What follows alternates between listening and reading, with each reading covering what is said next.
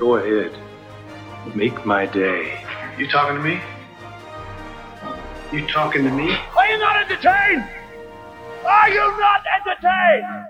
Labdien, laipni lūgti podkāstā Kinokults. Kinokults ir projekts, kur mēs fanojam par kino kopā, un Kinokulta podkāstā katru nedēļu mēs runāsim par un ap kino, kas notiek ar kino pasaulē, Latvijā un Kinokultā. Un šo podkāstu vada Kinokulta komanda jeb saprata balss un regulārs Sergeja mediātors Līvas Pandega. Čau! Roberta Rodrīgas filmogrāfs Sergejs Timonins. Čau! Un es pieļauju, ka mums jau bija Roberta Rodrīgas, bet toreiz bija From Dust to Down Desperado, bet šobrīd tad ģimenes filma Roberta Rodrīgas filmogrāfs. Ja? Mm, Spy Kids un Sharkboy un Lava Girl. Un Indeed! Un es, Sergejs Mazātos, pārtraukšanas Deivids Duhovnīs. Šo podkāstu atbalsta LMT vietovizija, par ko viņam paldies, kā arī milzīgs paldies mūsu Patreon atbalstītājiem, tīpaši mūsu jauniem patroniem Ilzei, Mikom Un īpaši paldies Danai, kurai uh, gadies uh, kartes bloķēšana, bet tas uh, neapturēja viņu kļūt tomēr beigu beigās par mūsu patronu. So many, many thanks! Šoreiz podkāstā mēs parunāsim par uh, Hariju Potera TV seriālu. Priecīgi esam, un tad varbūt nebūsim priecīgi, bet par to sīkāk jau pēc minūtes. Un arī parunāsim diezgan lielā mērā par medicīnu, filmās un seriālos. Pie tam ne tikai mūsu neekspertu viedokli uzklausīsim, bet arī pieicinātu ekspertu uzklausīsim, kas saliks visus punktus uz i. Kāpēc tā nebija? Kāpēc tā nebija kaut kāds kā pan, pan par šprici vai par kaut kādu kā, uzliks termometru uz 30? Iešpricēs sēnam uz taisnības uh, mikstūru. Serumu mikstūru.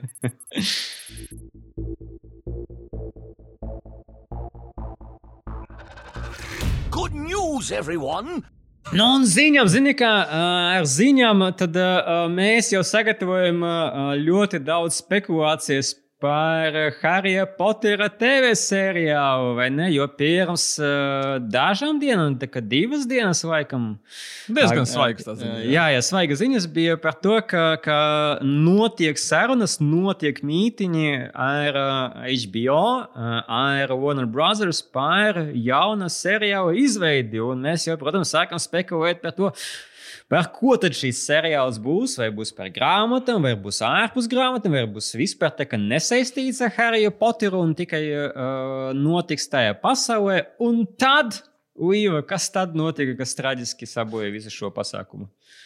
Es atnācu un teicu, ka Warner Brothers jau ir paspējuši un HBO Max noliegt šīs baumas. Nu, kā, mēs jau zinām, ka es vienmēr nesu prieku, kuras Viņi tā diezgan ātri uh, negaidīja, neļāva tām spekulācijām ilgi vilkties. Viņi saka, ka nē, nē, nē. Harry Potter seriāls nav nekādā tapšanas stadijā, ne pie viņiem studijā, ne straumēšanas platformā. Liecieties mierā, atšujieties un beidziet uh, baumas izplatīt. Tik laba ideja! Un arī kāds. Cik laba ideja? Vien... Absolūti! es gribēju teikt, kā vienreiz teica viens no grupas NSYNC dalībniekiem saistībā ar to, vai viņu menedžers ir vai nav pedofils. Nav doma bez uguns. Atcerieties to. ok, tas laikam es ne, neliktu uzreiz uz šo atsauci no visām. Uh, bet uh, es teikšu tā, ka kaut arī Warner Bros. izsūdināja šo te, te noraidījumu. Tas uh, ar vien mērķi, lai mēs nespekulētu. Mēs spekulēsim. Jo pirmkārt, eh, uzreiz jāpaskata, eh, jāpasaka, kā. Kad studija saka, mēs neko vispār eh, tādu neražojam, nav nekādu mītiņu. Es nezinu, par ko jūs runājat, kas ir Harijs Poters. Tas nenozīmē, ka īstenībā nav mītiņu. Man liekas, ka vai tad nebija tikko ar pašu Matsu Mikusenu, kur pateica, kāds Harijs Poters, kas fantastiski bijis. Nē, es neko nezinu, man nav nekāda saruna.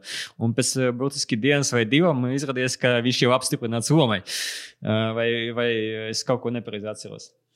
Bija tas pats arī par Tatjana Masoni un Šīhauku. Viņa teica, ka viņa neko nezina. Mm, nebūs. Mm -hmm. Tad viņa izrādās būs. Bet, nu, nu, jā, nu, uh, es vienkārši atceros, ja mani atmiņa neviļ, tad tās baumas par Harry Potteru iespējamo seriālu, kas tik ļoti perfekti ir uh, izliekās uz visām septiņām sezonām, septiņas grāmatas, tas taču nav nekādas jaunas ziņas. Tas ir baumas, kas ir gadiem vecas jau, ka kaut kas tāds varētu būt. Bet, uh, un tāpēc, vienkārši izlasot šīs sākotnējās ziņas, manuprāt, visi padomāja, ka nu, tad jau beidzot viņi arī ķērās klāt ne tikai pie baumām, bet arī pie kaut kā prātīga. Jo šitais noteikti nav pirmā reize, kad uh, par to, kaut, par to es, es dzirdēju. Nu, tāpat nav pirmā reize, kad šajā podkāstā šī versija izskanēja, jo mēs uh, noteikti gaidījām un, un ierosinājām pašam HBO Max ķerties klāt pie Harry Potter ekranizācijas. Ja viņam ir tiešām problēmas ar uh, viņu straumēšanas servisu, tad uh, tieši Harry Pottera fani varēja to, to, to uh, kļūdu un lunch kļūdu arī pielabot.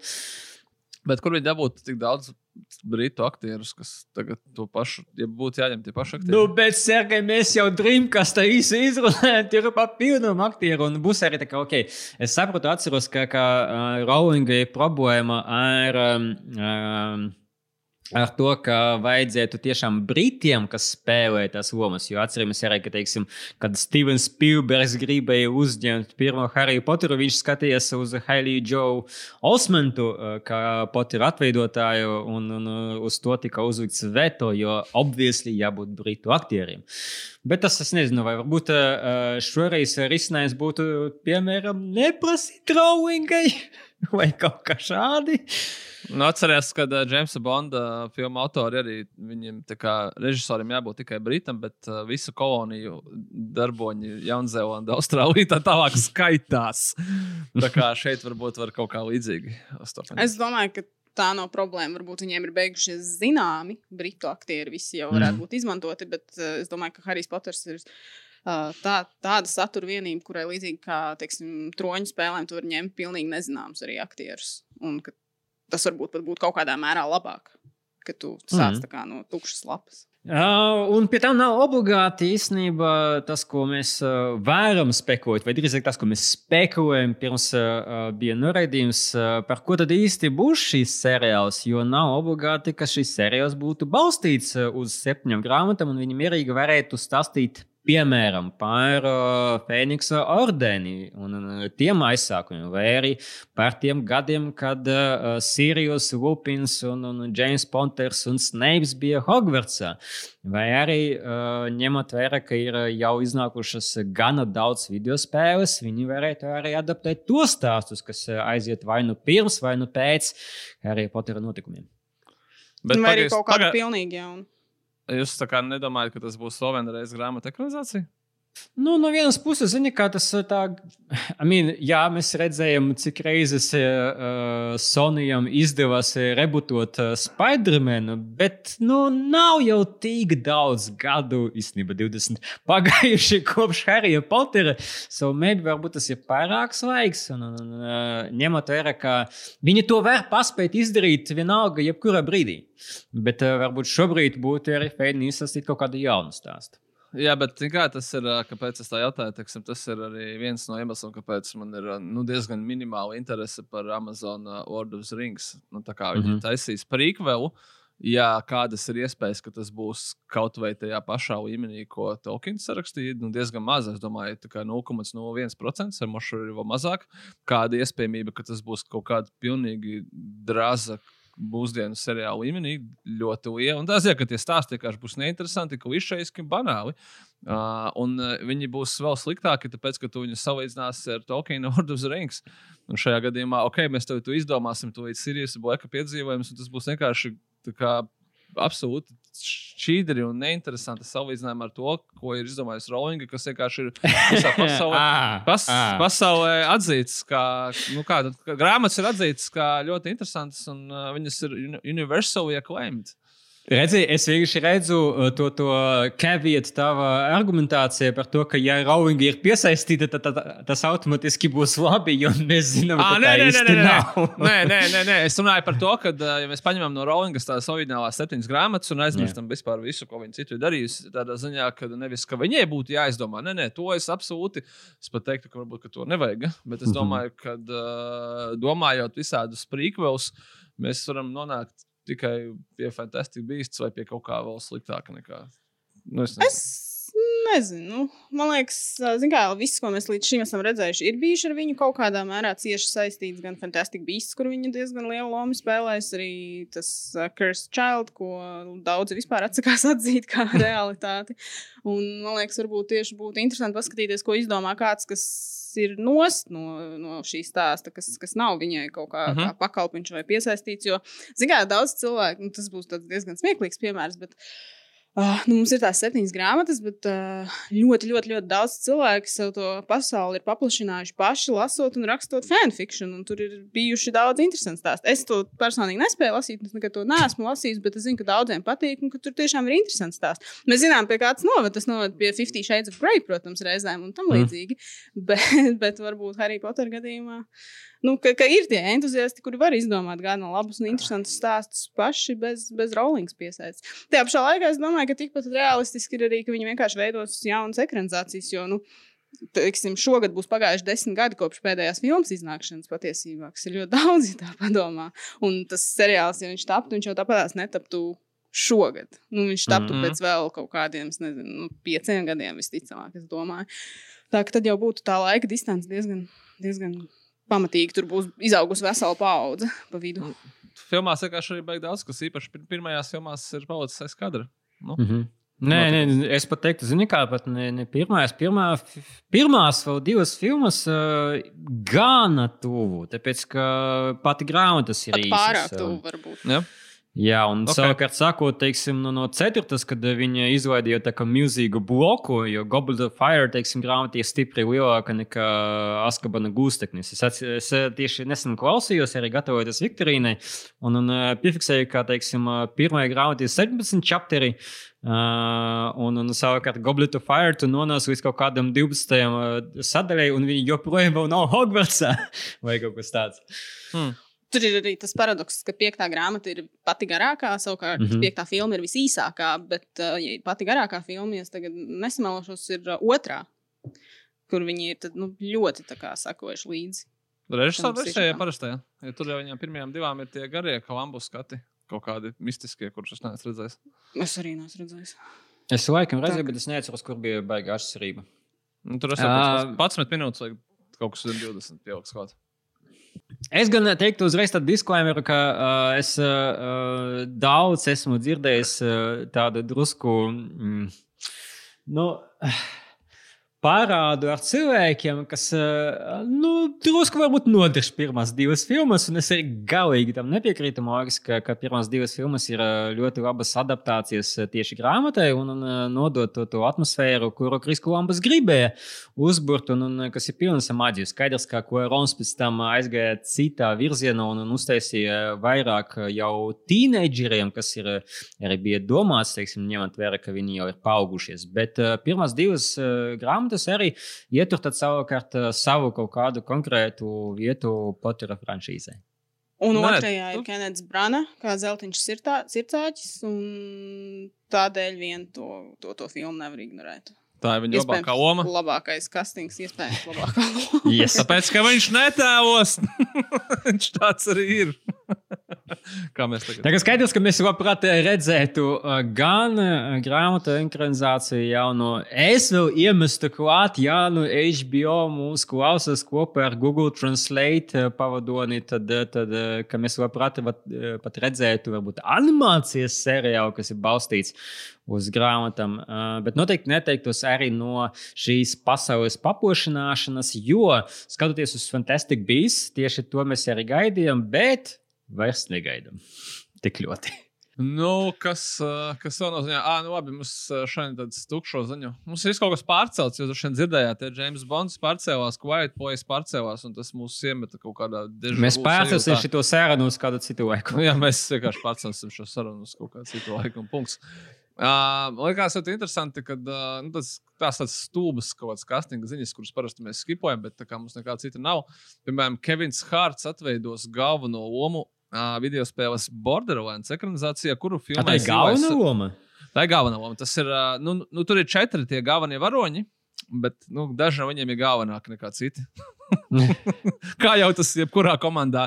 Un, uh, un otru galveno atveidos Keita Blancheta, un to visu filmās Ilais Rots. Tas tāds uh, ļoti interesants, nu, negaidīts castings, un neviens īstenībā nesaprot, kāpēc tas tā ir. Pie tam uh, uh, Kevins Hārts atveidos lomu, kura, nu, tajā video spēlē tie varoņi tādi, teiksim, tā nav baigi izstrādāti un ļoti harizmātiski, tāpēc, ka tas arī tā nav vajadzīgs.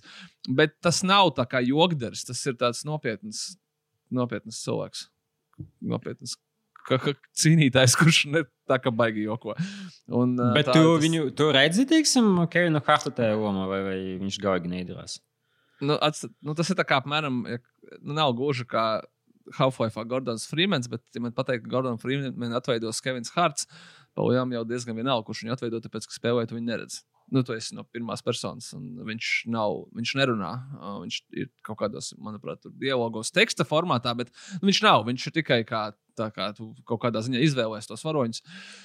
Es vienkārši tagad būtu samalošu, bet es neatceros. Nē. Un, uh, nu, jā, bet es vienkārši aizdomājos par to, ka es iedomājos Kevinu Hārtu. Viņš dažreiz, kā, ka viņš nesmaida, tad viņš izstāstās diezgan nu, tā, ka es padomāju, ka viņš varbūt arī varētu to. Tas līdzīgi kā tas Kris Roks, kurš būs tagad jaunajā zāģī. Un patiesībā, ja viņš tā baigas apzināti nejoko, tad jau tu viņu varbūt viņš nemaz tik smieklīgs arī neizskatās. Es neesmu skatījies Fargo pēdējo sezonu, es saprotu, ka tur viņš arī nav beigas smieklīgs un viņš ir biedējošs. Kā, Un kā tā, Joe Pesci, jā? think I'm a funny guy? apmēram, jā, jā. Kas man atgādināja vairāk par to, ka Kevins Hārts, uh, izpētot viņa filmogrāfiju, pareizi viņš ir, bijis absolūti visās iespējamākajās drazās, kādā var būt. Un viņam izdevās no tā kaut kādā veiksmīgi izpeldēt ārā. Viņš ir bijis epic movie, extreme movie, date movie, scary movie 3 un 4. Starp citu, man patīk, ka tagad 3 un 4 nevis 1 un 2, vai ne? Jā, kaut kādās vēl kreisajās komēdijās, un uh, viņš ir bijis uh, 40 year old virgin, viņš ir bijis 5 year o- long engagement, viņš ir bijis. Pagaidām tās tās kreisās komēdijas. Nē, šīs Pagaid, nav ko- kreisās. Bet uh, viņš Tu man ir ka šajās- viņš spēlēja. Ah, pareizi, 40 year old, old virgin, viņš jau spēlēja mazu lomiņu. Jā, jā, jā. Nu, tur jau tā lieta, ka viņš ir, ka viņš ir izskatījis viņa filmogrāfiju, ka viņš ir tik ļoti centies, ka viņš ir ņēmis burtiski jebkuru lomu, ko viņam piedāvā. Mm. Viņš ir bijis mazās lomās, lielās lomās, kameo lomās, tad, kad viņš ir nezināms, lai ņemtu kameo lomas un tā tālāk, un paralēli močīs to savu stand-up, un rekur tagad viņš ir, viņš ir kopā ar Roku filmās. un Arī ar Robertu. De Niro Čuvāki viņš ir dzird, ko bijis- spiehu. Ā, viņš ir bijis divās filmās, Roberts Denīro. Viņš ir bijis tajā par to, kur viņš kāvās ar Staloni. Un viņš ir bijis uh, Little Fuckers. Mhm. Pagaidām viņš bija tajā boxa filmā. Nu, jā, viņš bija tas uh, galvenais menedžers, kurš salika to cīņu kopā. Ah, pareizi. Esmu atcerās. redzējis. Es, neko, Jā, zinu, es neatceros vispār neko no tās filmas, izņemot to, ka tur bija Džons Berntāls. Tur Es bija jau skatījos, tā, ka man bija Punisher fāze. Oh, okay. nu, vi- visi atcerās Staloni un Denīro un to kaut kādu viņa datoris, datorificēto cīņu, bet neviens neatcerās, ka Kevins Hārts ir actually galvenais varonis. Man šķiet, vai vismaz noteikti viņš ir viens no galvenajiem.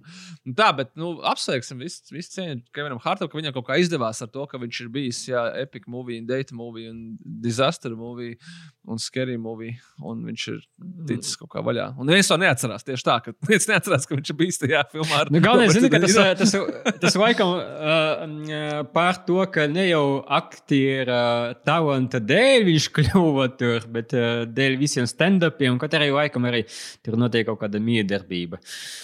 Man liekas, viņš vienkārši reāli piekrita pilnīgi visam, kur viņu aicina. Mm. Vis, nu, kā, to, to jau arī vajag zin, kā, mācīt, izbrīvot laiku dzīvē, un tā, bet, uh, bet varbūt nevajag. Es ne, neaizdošu, ka vajag, vajag visiem to darīt. Ah, nu, starp citu, ļoti labs segvejs. Jā, nu, gaidām to Borderlands filmu kaut kad, kad viņi tur iznāks. Bet es atceros vēl vienu cilvēku, kurš ir ļoti centīgs, bet es esmu izlasījis viņa grāmatu.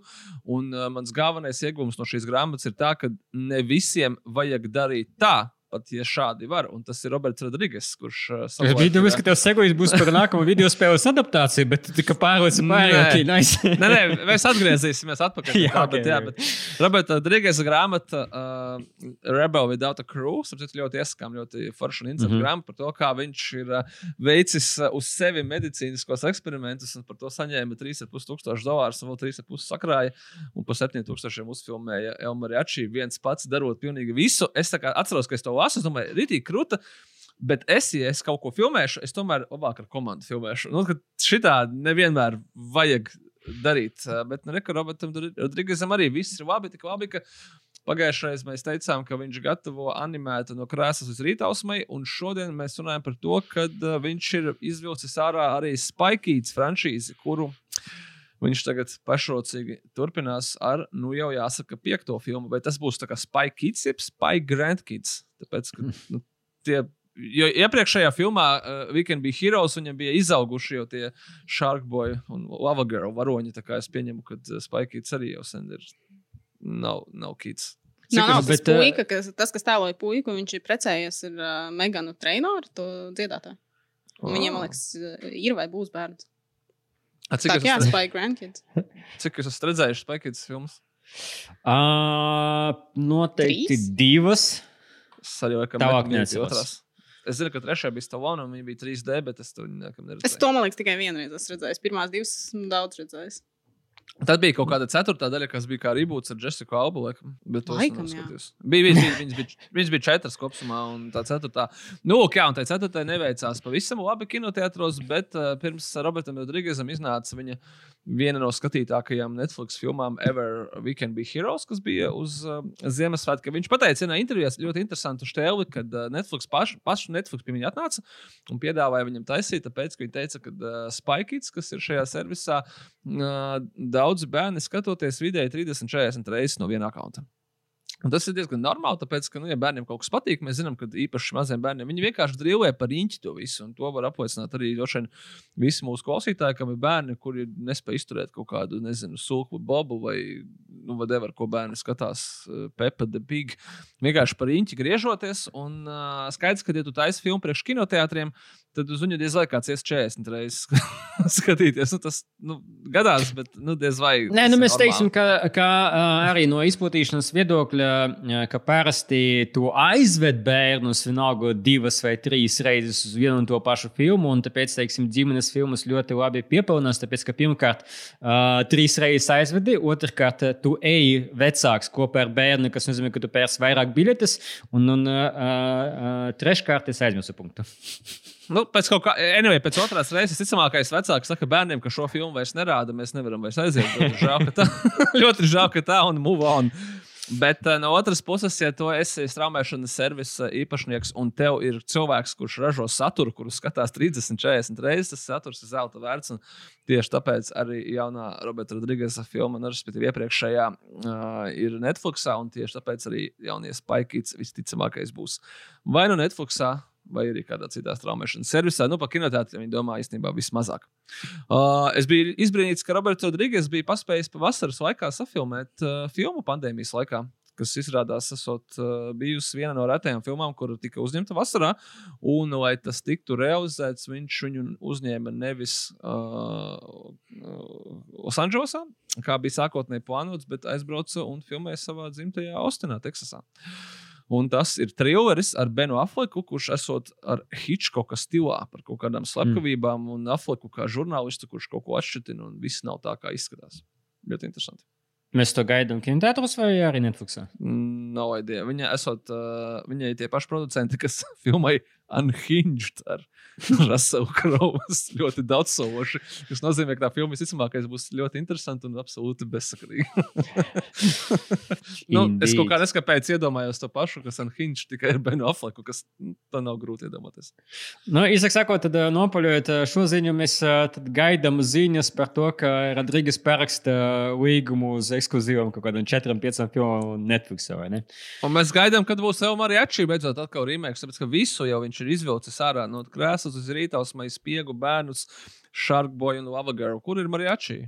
Un es varu uzreiz mest, ka, lai būtu Elmariači ar Adamu Senderu, par cik Senderu jau arī ir līgums, so, you know. Vai tik tā nebūs perfekta hangover filma vai, vai topoša Sergeja Skatamviela? Obligāti. Tādu, tādu Sandoru es pat noskatītos. Man liekas, ka pat es tad noskatītos tādu Sandoru. Nu, lūk, un atgriežoties atpakaļ pie video spēlēm, visi noteikti, noteikti, noteikti gaidījāt Tomb Raider filmas turpinājumu ar Alisiju Vikanderi. Nu, kaut kādā ziņā, protams, manā balsī bija ironija, bet mēs jau nevaram apturēt cilvēkus, ja viņi kaut ko vēlās, tad noteikti sanāks. Nu, varbūt tagad sanāks kaut kā citādāk, tāpēc, ka Tomb Raider 2 bija plānojis uzņemt uh, režisors Bens Whitleys. Uh, ļoti negaidīta, bet kaut kādā ziņā intriģējoša izvēle. Uh, īstenībā jau tāpēc, ka viņa uh, sieva pareizi ja? Jā, precējušies. Emīļa Džampa bija nolīgta rakstīt scenāriju. Nu, tad Emīļa Džampa tur, turpina rakstīt scenāriju, bet uh, Bens Vitlīs neturpina filmēt. No, obviously tas tāpēc, ka Megdī pieprasa tik ļoti daudz viņa resursu, lai uzbūvētu to, to sakarīgu stāstu, ka viņš nevarēja vairāk laika veltīt Tom Raideram divi. Jā, mēs kaut kādā ziņā sapratām, jau toreiz, kad runājām par Megu 2, kuru režisēs Bens Litvīs arī ļoti negaidīta un savāda izvēle. Izskatās, ka viņš izvēlējās starp diviem sīkojiem to, kas, ir, kas viņam ir paprātam. Nu, labi, ne, nu. Haizivs, Haizivs tomēr uzvar. Es ļoti Šo. gaidīju to prātā uh, no Bena Vitvija, to 2, kas aiziet pavisam citai virzienā, un pēkšņi tas ir kaut kāds tāds - kur nav Haizivs. Haizivs ir vienkārši steigtuma iedomās, jā. Nu, nē, piemēram, kad uh, tā ir filma, kur uh, Steitema varonis ir uzvarējis to haizivi, un viņš atbrauc pie sevis uz mājām, un viņam ir kaut kāds family meeting, un tur sākās kaut kāda ģimenes drāma, un visi viņi ienīst viens otru. Ģimenes drāma, tu domājot ar to, ka uzpeld haizivs brālis, un viņš nav atrepties? Jā, bet tas trešajā daļā, nu, nē, tur nav haizivs vienkārši vispār. Tur ir kaut kāda britu ģimenes drāma, kur visi viņi ir kaut kādi esoli. Viņa sieva sauc Mega. Tā jau ir. viņa, sieva ir mega, un tāpēc tā ir mega divi, ka viņš ir nogalinājis haizivi, bet tomēr īstais ļaunums ir palicis. es vēl iedotu, es iedotu vēl state un PTSD teiksim, sindromu būtu ļoti piemēroti. Bet, zini, kā man šķiet, ka teiksim, viņš to visu stāsta tajā Warner Brothers mītīgā. Viņš saka, nu, blin, nu beidz mūsu sākstāt. Āzē, viņš saka, viss kārtībā, es jau nofilmēju viņu tikko pat četrām dienām kaut kur pie sevis, kaut kur tur Lielbritānijā. Visiem ir gatavs, nav satraukums. Nevajag, nevajag. Nu, kā, tas izklausās turklāt kaut kas tāds, ko varēja mierīgi Covid laikā nofilmēt. nu, varēja šo Malcolmu un Mēriju, tas Levinsons uzņemt, tad kur problēma? Nē, nu, Bens jau arī uzņēma to, to savu šausmu filmu. Jā, jā. Covid laikā. Bet varbūt tā ir Meg 2. Un mūsu galvenais temats šoreiz ir filmas, un ne tikai filmas, arī seriāli par un ap medicīnu. Personīgi es Es atceros, ka kad pirmie lockdowni parādījušies ārzemēs, tad tika veidotas akcijas, kur cilvēki aplaudē medicīnu, teiksim, un, un kaut kā pie mums arī ar visu tagad smagāku lockdownu, kas atnāca, vai, vai ne tikai lockdownu, bet arī smagāku vīrusu izplatīšanu rudenī, tad šādas aktivitātes īsti nenotika, vai ne? Uh, Un par cik mēs nevis aplausus ģenerējam, bet podkāstus, tad mēs nolēmām, ka varbūt būtu īstais laiks parunāt par medicīnu mūsu formātā, jeb podkāstā. Un izrunāsim savukārt mūsu mīļākos un nemīļākos atainojumus um, filmās un seriālos. Bet, kad mēs to sākam savukārt atlasīt, tad Sergejam rodas Uh, interesants un visai loģisks jautājums, kāpēc tik daudz ļaunu personāžu starp pārstiem ir filmās? Kaut arī, varbūt seriāls netik daudz, bet filmās kaut kā uz šo tiek uh, likts īpašs uzsvers. Kā jums šķiet? Bet tur, man liekas, tieši tā arī ir, kad ja tā padomā, kad uh, ārstu seriāli ir uh, zināms jau žanrs, un pie tam uh, neatkarīgi no tā, kā lielākā daļa ārstu seriālu, pat kaut kādi tādi edgy ārstu seriāli, kā tur uh, Niptaka vai Grejas anatomija, vienalga, viņi tomēr ir forši par foršiem ārstiem. Uh, kamēr filmās lielākoties mēs fokusējamies uz kaut kādā ziņā nu, nevis sliktiem ārstiem, bet uh, ir daudz vairāk slikto personāžu. Un es domāju, ka tur ir kaut kāds case par to, ka ārsts ir ļoti cienījama profesija. Mēs uzskatām, ka ārsts uh, kaut ko dara. Mēs nesaprotam lielākoties, ko viņš tur dara, bet uh, mēs pie viņa ejam un paprasām, vai viņš izdara kaut ko, lai mums Kas mani nestrādā. nestrādā? Viņš kaut ko pasaka, un mēs viņam visticamākais bez nosacījuma noticam. Un tad mums varbūt paliek labāk, ja arī mēs domājam, ka kaut kas nav labi. Un, uh, tieši tā tas ir biedējoši, ka tas cilvēks varētu būt slikts un viņš mums var kaut ko sliktu. Bet varbūt tas nestrādā seriāla formātā, ka mēs negribam to uztvert tik ļoti bieži. Un seriāla formātā ir interesantāk skatīties uz to, kā viņi to tieši dara, piemēram, uz Doktora Hausu. Nevis uz doktoru lektoru. Bet viņš jau ir diezgan normāls kretīns. Nu, jā, bet viņš Arī. jau dara labas lietas. Nu, Man liekas, ka viņš ir Man- kretīns, bet viņš ir uh, gandrīz vai, vai izņēmums seriālos, uh, jo pārsvarā mēs tiešām skatāmies uz tiem labiem piemēriem, kas ir loģiski, jo, ja tas ir seriāls un viņam ir paredzēts iet kaut kādas vairākas sezonas, tad uh, visdrīzāk tu skatīsies uz to uh, pozitīvo ārstu personāžu, nevis, nevis uz, uz antihero. Zinām, man liekas, seriāliem tur tas skaidrojums, kāpēc ir tik daudz medicīnas seriālu, ir vienkāršāks. Ka tas, ka medicīna piedāvā tādu vienmēr mm, gandrīz nepārtrauktu drāmas potenciālu. Jo, nu, zināmā, tur ir medicīniskas krīzes, jā, un tas vienmēr var būt tikt izmantots kā fons kaut kādām personiskajām drāmām, un tur sasaistīt paralēlus un savilkt tā, un tas vienmēr ir tāds nu, viegls uh, avots, viegli pieejams avots, kurā pasmelties kaut kādas uh, nu, konflikta situācijas un kaut kā bīdīt uz priekšu tur tos arī savstarpējos konfliktus un tad pārējās attiecības atainot. Tur tas ir tāds pateicīgs fons filmās, tad tur, man liekas, tur ierobežotākā laika posmā. tu, Nu, Zināt, tu nesabāzīs tik daudz tur kaut kādas medicīniskās emergencijas vienā. Tas būs bijis pat raku. Savukārt, seriālā tu viņus tur var izkaisīt pat, pat cik tur tām sērijām. Nu, Būs arī um, medicīna, ir ļoti feins pamats tieši tam uh, uh, žanram, subžanram, uh, seriāls, kas ir procedurāls, kur uh, katra sērija ir atsevišķa uh, lieta, katra sērija ir atsevišķs pacients. Un uh, bieži vien gadās, ka pacientam ir vai nav lupus, kā mēs zinām, seriāla hausa. It's never Um, lupus. Kas ir upus? Uh, Es neesmu skatījies hausu. uh, vilk, uh, es tagad domāju, kā. kā pareizi- Vilkēda viņa Jā, nesauc. jā, jā. Bet par to, starp citu, mums, eh, kā jau minēju pašā sākumā, eh, ir arī īsa saruna ar Katrīnu. Viņa izstāstīs, kas ir upus, un, un ka īstenībā eh, nav tur nekādu joku. Ir eh, visai s- nopietna slimība. Tur Bet nav par- naudas šitai, taču uh, aktrisē dziedātājai Selēnai Gomezai ir uh, šī slimība. Viņai, es neatceros, vai kaut, kaut kāda orgāna nācās transplantēt. Tur bez, tiešām bez jokiem. Mm, mm.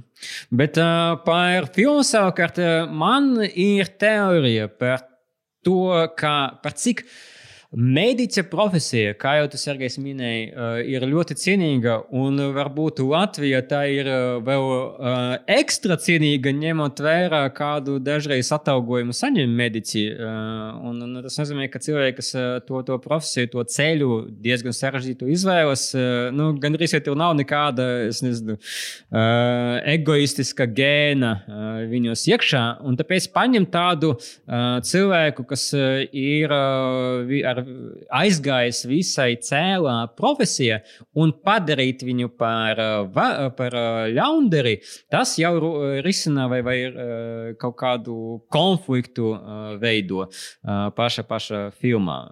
Un, un, tāpēc varbūt arī tā, tas arī ir iemesls, ka bieži vien mums patīk skatīties uz, uz tādu konfliktējošo personu, kas ir, teiksim, arī seriāla ziņā pats haus, ka it kā vajag uzticēties un it kā viņš glāb cilvēkus, bet he's an asshole.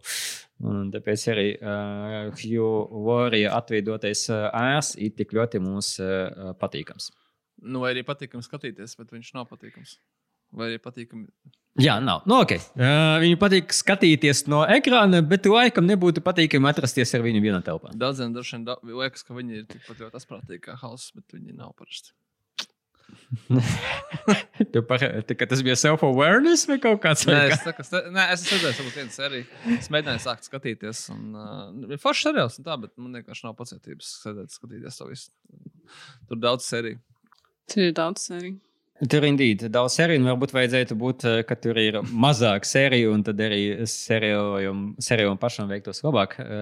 Es gan noskatījos līdz galam, bet es man liekas, arī uz pēdējiem sērijiem vairāk skatījos tā, vai, nu, come on, davai, noslēdzam, un, un es eh, tagad eh, to, to pēdējo vai divas sezonas skatos eh, jau gandrīz vai autopilotē. Zini, kā, tur bija liekas, tā problēma. Es arī visu esmu noskatījies līdz galam. Viņš no sākuma bija tāds interesants kretīns, bet tad viņš palika vienkārši kretīns ar laiku. Un tad nu, tu kaut kādā brīdī vairs īsti nejūti pat viņa tām sāpēm līdzi. Viņam jau tur ir tā arī sāpe un personīgās problēmas. Bet nu, vienā brīdī tu, kā, tu vairs nesaproti, kā tie cilvēki viņam apkārt vispār viņu tolerēja kādā veidā. Lai cik viņš būtu ģeniāls. Un Un tad nu, viņš pa izstiept. man liekas, ka galvenais šī seriāla viss ir tāds, ka sākot ar pirmo un beidzot ar pēdējo sezonu, visas sērijas Hjoriem ir parūka. Tā kā, nu, ja kāds tagad skatīsies, tad atcerieties, ka viņam ir parūka. Tie nav viņa īstie mati. Sorry. Bet, ja mēs runājam par uh, filmu un seriālu vispār general, uh, par uh, mediķu attainojumu ikdienā, mēs jau neteiksim uh, tagad topu pa apli, bet uh, jūs esat salikuši diezgan sakarīgus uh, sarakstīņus. Man gan šis saraksts uh, aptrūkās, ja es saprotu, ka es, es nezinu, es neesmu tik daudz vienkārši redzējis, laikam, filmu, un man nepietikti vienkārši uz piecinieku or something. Bet uh, kā, kā jums, uh, kādi ir jūsu mīļākie attainojumi uh, medi par medicīnu? Es zinu, no sākuma mēs runājām tieši par mediķiem.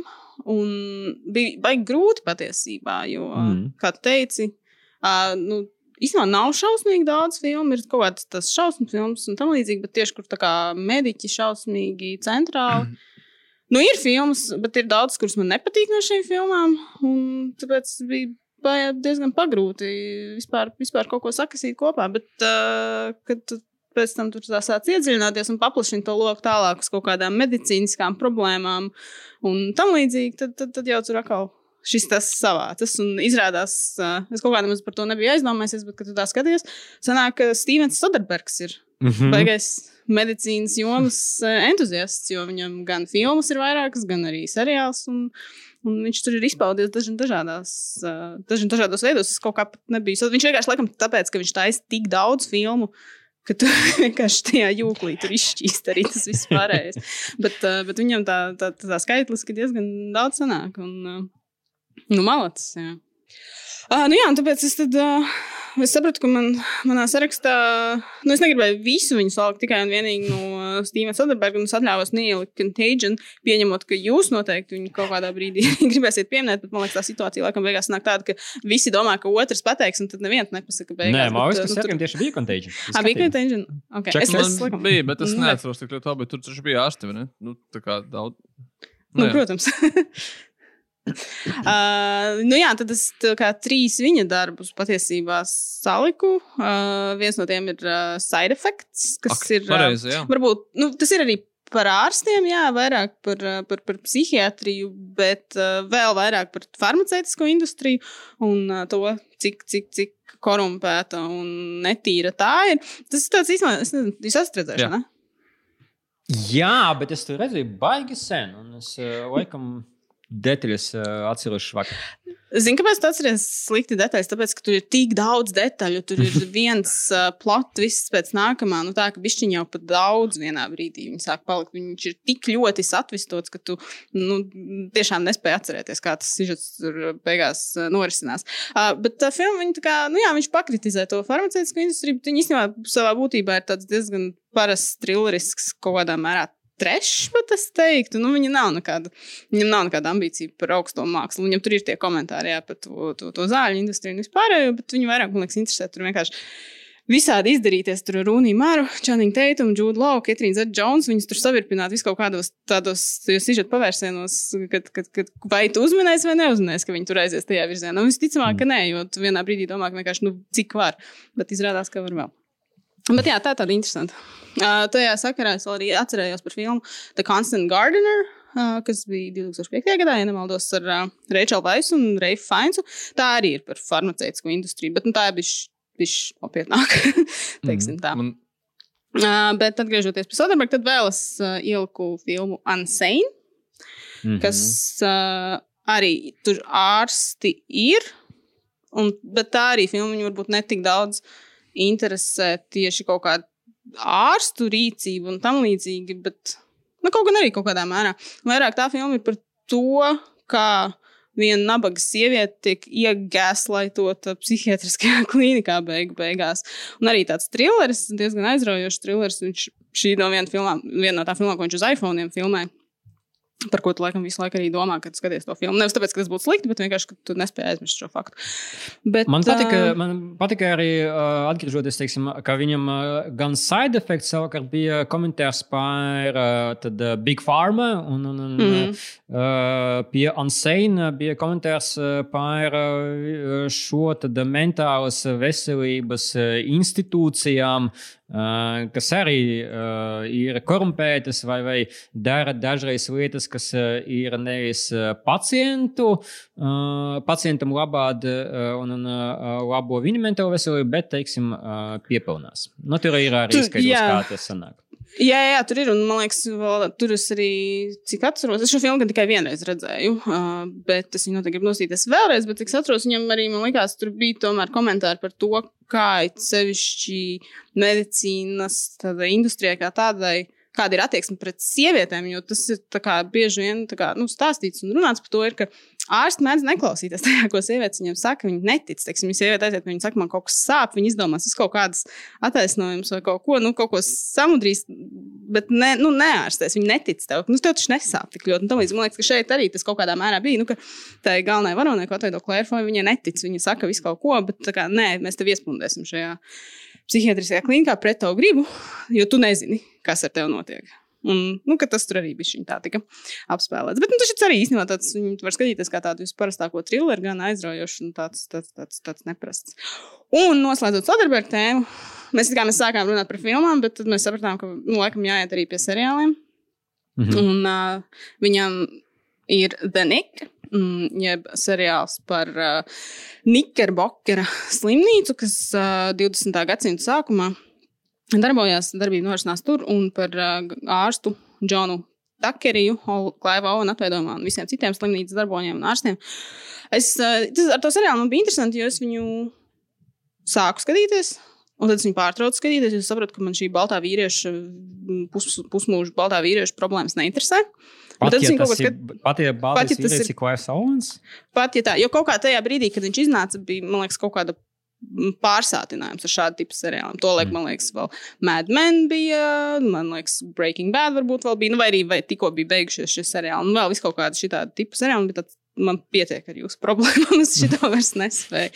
Bet es viņu kaut kad pēc tam noskatījos vēlreiz, devu viņam vēl vienu iespēju un sapratu, ka īstenībā nē, viņš īstenībā ļoti, ļoti, ļoti labs. Jo viņš ar laiku arī, viņš, jā, tas sākas ar to seriāls, ar to uzstādījumu, ka viņš sako līdzi visvairāk tam klaiba un atvedotiem varonim, bet patiesībā ar laiku viņš sāk pievērst ar vien vairāk uzmanības tiem pārējiem. Tur, teiksim, ir sieviešu tēls ļoti interesants. Viņa, ja nemaldos, bija vai slimnīcas vadītāja vai, vai kaut kāda patrone un darbojās tur diezgan daudz arī seriālā, arī viņa kolēģis. Kur atveido Andrejs Hollands, un tam laikam viņš bija melnādains ķirurgs. Tad, nu, kā, kā tur tie baltie pacienti pie viņa negribēja iet nekādā gadījumā. un Tad nu, arī to viņš diezgan interesanti aplūko. Un, Un es neatceros, vai mēs podkāstā par to runājam vai nē, bet uh, Berijs Jenkins grasās ar Andreju Holandu taisīt trešo sezonu, uh, The Nick, un tā, tas jau būtu vairāk tieši par šo Andreju Holandu atveidoto varoni. Tā ka, nu, viņiem tur ir, kur izpausties. Un tas seriāls, viņš ir, uh, tur ir fantastisks skaņceliņš, viņš ir diezgan interesanti uztaisīts. Un viņš ir ļoti, ļoti, ļoti fiziski pretīgs. Nu, tā kā 20. gadsimta sākuma medicīna nav kaut kas, ko tu, man liekas, vēlēsies izbaudīt uz savas ādas. Un to šis seriāls parāda izcilā veidā. Un, tā, ka, ja neesat to mēģinājuši, es tiešām iesaku, es uztaisīju pati jā, 180 grādu viedokļu maiņu šī seriāla sakarā, un tagad es viņu tiešām aizstāvu. Un tur ir pirmās sezonas beigās ir iespējams labākais sezonas noslēguma kadrs, kādu es jebkad esmu Mm. redzējusi. Es neteikšu, kas tas ir, bet uh, es viņu atceros tik spilgti. Es tā smējos, nu, tādas drausmīgas smieklas, kādas es neatceros, kad pēdējo reizi būtu smējusies. Tā kā noteikti, noteikti rekomendēju. Daudz savošu. Man viņš stāvēja kaut kādā vačostē, bet man tajā vačostē ir tik ļoti daudz, kas Tagad viņš tikko pacēlās. mazliet tur apmēram no 30, 35 Nu, uz 28 viņam tas- tūkstoši. Nu, tā kā, tas nenozīmē, ka tur viņš ir tik zem, vienkārši tur ir tik ļoti daudz, kas, ko es neesmu redzējis, kas ir vēl. Tā sāpe ar Daniku ir tā, ka, nu, ka tur ir tikai tās divas sezonas, un tad viņi mm. pārtrauc un gaidām, kas tu- tad būs ar to trešo, ja viņa būs un kāda viņa būs. Bet nu, tur prasījās pēc tam vēl patiesībā. Man tikai atgādināt, es atceros, at- es arī ļoti slikti atceros filmu Side Effects. Bet es ļoti labi atceros, kad es viņu skatījos un kur. Tāpēc, kad uh, es, uh, tā kā viņi iznāca, es biju San Francisco, un tur visu dienu bija lietus. Es sapratu, ka man ir beidzot jānoskaidro, vai tas mīts par to, ka uh, amerikāņu tīnieģeri pērk vien, biļeti uz vienu filmu, un tad iet skatīties kaut kādu R-rated filmu, vai tas ir taisnība. Un tā tiešām ir. Tu ieej tajā multiplexā. Pagaidiet, vai tā ir taisnība izpildot? Jā, tā tu Absolūti, tieši tā. Nopērkot biļeti uz, uh, es pat neatceros uz ko, bet uh, to tiešām biļeti pārbaudīju tikai vienu reizi. Tā kā ieejas kinoteātrī, tad pa zālēm vari staigāt Jā. Turpu šurpu. Es ne tikai uh, to darīju, es arī vēl iesmagoju iekšā sabvejas viesmaizi. Lai nepirktu kaut kādu dārgu ēdienu. Jo reāli sūdīgs laiks nav, pas, nu, nav forši staigāt apkārt pa tādu milzīgu lietu. Protams, var aiziet uz muzeju vai kaut ko vēl, bet es aizgāju uz kino. Un es atceros, ka es sēdēju vienā zālē un es noskatījos uh, filmu ar Silvestru Stalloni un Jasonu Momoa Bullet in the Head, kur es biju laikam, viens no diviem skatītājiem. Ah, un jā, un zālē nav sēdvietas, tāpēc, ka tu sēdies, kur tu gribi, jo tev ir pārdota tikai. No, Nav numurēts numurētas biļets. Jā, tu, nu, tu esi nopircis uh, biļeti uz to filmu, ko tu esi nopircis, un attiecīgi tik daudz biļets arī pārdots. Un tad es nesatraucos, un tad es sēdēju tālāk un skatījos uh, filmu ar Nikolasu Holtu un Warm Bodies. Un tur jau Par to Jā, vienu, par to vienu biļeti. biļeti. Tur jau bija vairāk uh, cilvēku. Un tad es paliku vēl uz trešo filmu, un tā bija sadarbība ar Side Effects. un Bija jau kaut kādi septiņi vakarā, un bija reāli daudz cilvēku, praktiski pilna zāle. Un es sāku satraukties, vai tur nebūs case, kad reāli būs aizpildītas visas vietas. Un tā bija, nu, pieņemsim, uh, nezinu, 90 cilvēku zāle. Nu, maza. Ne, nekāda, nekāda Mhm. liela autorīta nebija. Un es reāli sēdēju, beigas satraucos visu laiku. Un es redzu, ka uh, filma jau sākās, un nāk, un nāk cilvēki iekšā, un tie ašeri tur skraida, un viņus mēģina izsēdināt, un skatās, kur ir brīva vieta. Un man, protams, ir sirdī tāds nemieris, ka es taču esmu šeit nelegāli, un tur nav jābūt. Un, kā, un tā es visu filmu nosēdēju. Es tā saprotu, ka tu sadūji ar Nu, mieru. jā, bet es biju ļoti Nemieru. satraucies. un Es vairāk domāju par to, vai nav, viņi nesāk tagad kaut kādu biļešu pārskaitu tajā brīdī, kuram šeit nav jāatrodas. un, Bet viņi tā kā nepamanīja, ka tu tur nosēdi tās trīs filmas. Es pieļauju, ka Sergejs viņš ir padalījis ar savu sandviču ar ašeru, līdz ar ko viņi ignorē šo tā. momentu. Nu, reāli, pirmajā, Nu, pasaka, un tā kā, un tāpēc Soderbergam tā ir jāhaslo pēc tam, un pašam jāfinansē tur tas tos nabaga filmas. Nu, šī tāda izdarība dēļ. Nu, jā. Nu, zini, kā es, es uzreiz papildināšu Sergeju stāstu, ka tādēļ arī jāhaslo Finčeram, tāpēc, ka es skatījos, tad uh, samaksāju par Revolutionary Road uh, kinoteātri Nīderlandē, bet apskatījos arī Curious Case of Benjamin Button. Jā, bet uh, es samaksāju Sto- Stallonem un uh, Jasonam Mamo. un tā filma tāpat izgāzās. un sadarbības tam mans neko nedabūja. Nu, žēl. Bet nedabūja arī Warm Bodies. Tā forša filma. bija. Es zinu, kā es to pašu triku uztaisīju arī Malaisijā. Uh, un tas darbojās arī tur. tas, es, es kaut ko tur skatījos, man šeit ekvalizēra un kaut ko vēl citu. Arī, arī kā šūja lietas visu dienu. Es saprotu, ka tas būs mans thing, kad es vienkārši iešu uz kino. Nu, labi, bet uh, runājot Your Un thing. nemaksāšu. Bet varbūt šis nav laba vieta, kur tu anoncēt, ka it's your thing. Man no Latvijā viss kārtībā. Mēs tā, es, es zinu, ka mēs, tā, mēs tā nevaram darīt, un jūs tā nevarat darīt. Mēs tagad varam tā darīt, tāpēc, ka tagad, teiksim, cik atceros, Cinnamona jau arī pārbauda pie ieejas, un arī Forma pagājušajā gadā ieviesa šo sistēmu. Man šķiet, ka tas ir īslaicīgi uz koronas laiku tikai. Vai... Jau Nu, nemācām. mums lietas. Nē, mēs, mums jau viss patika. Mums, mēs noskatījāmies fil, pašas filmas, kinoteātrī arī. Nē, nē, nē, mums ir jā, jāzina par to, kā nedrīkst darīt. Tas ir kā no, noklusē. Nē, nē, nevar, nevar, nevar. Visi skatās, mēs skatāmies. Labi, side effects, jā, pareizi. Uh, medicīna. Uh, kā tev filma patika? Bet vai tu vienkārši biji ļoti iepriecināts, ka tu tomēr paliki uz filmu? Man patika. tā filma biju labāka? satraucies, ka man izmetīs ārā, un es neatceros tā kā daudz ko par to filmu. man ir citi, man ir citi, citi varoņi. Es tieši gribēju teikt, ka mums ir mīļākie kino ārsti. Tur Doktors House. Doktors Strange, piemēram, brīnišķīgs ārsts, mm. -hmm. Doktors Džons Vatsons. Bet, jā, bet tas nav vairāk par filmām, kur mēs redzam, kā viņi ir brīnišķīgi ārsti un uh, atklāja savas teiksim, tā, profesijas aizkulisēs vai kaut ko tamlīdzīgu. Nu, mazāk. Es domāju, ka gan Vatsons, gan Dr. Strange vairāk nodarbojās ar kaut kādām blakus lietām un nevis ārstēt cilvēkus. es neesmu, es neesmu Mm. redzējis, ka Dr. Vatsons ārstētu kādu. Nu, gan jau, kad ir bijuši kaut kāds ainas, bet Viņš tur tā garām ejot, tad, kad uh, Šerloks ir iekūlējis Ā. problēmās, tad viņš kaut ko pārsta. nu, jā. Nu, ja viņš redz restorānu un kāds pasakā, is there a doctor in the house, un viņš tā kā, nu, ok, I guess. Bet uh, labā ziņa tāda, ka arī doktors Hanibals Lektors nepārāk aizraujās ar ārstēšanu, un arī, teiksim, doktors uh, Jonathans Kreins, jeb Scarecrow, arī nav. Nu, viņam ir uh, dažas ainas, man šeit Batman Begins, uh, kad viņš ir uh, šajā te Kilēna Murphyja atveidojumā, kur viņš tomēr kaut ko cenšas ārstēt, bet arī tas nav tā, ka. Ā, Daudz. Vai viņš ārstē tur? Nu, jā, viņš paņem uh, to Tomu Vilkinsona personāžu ar, uz Arkhamu, bet viņš viņu, teiksim tā, viņam nepaliek labāk. no tā. no tās. Es uh, zinu, ko par to protestēšu, laikam par Hannibālu Lektoru, jo tajā seriālā Hannibāls, man liekas, viņš tur ik pa laikam neesmu darbojās arī kā psihiatrs. Tur viņš tā kā, uh, nu, ka, ka, ka viņš vismaz izlikās, ka strādā reizē. Mm. Tur nebija tā, ka viņš vienkārši ai- a- a- a- Pa, pa, pa vidu maltītē. pie sevis uz vakariņām vairāk nekā. nekā...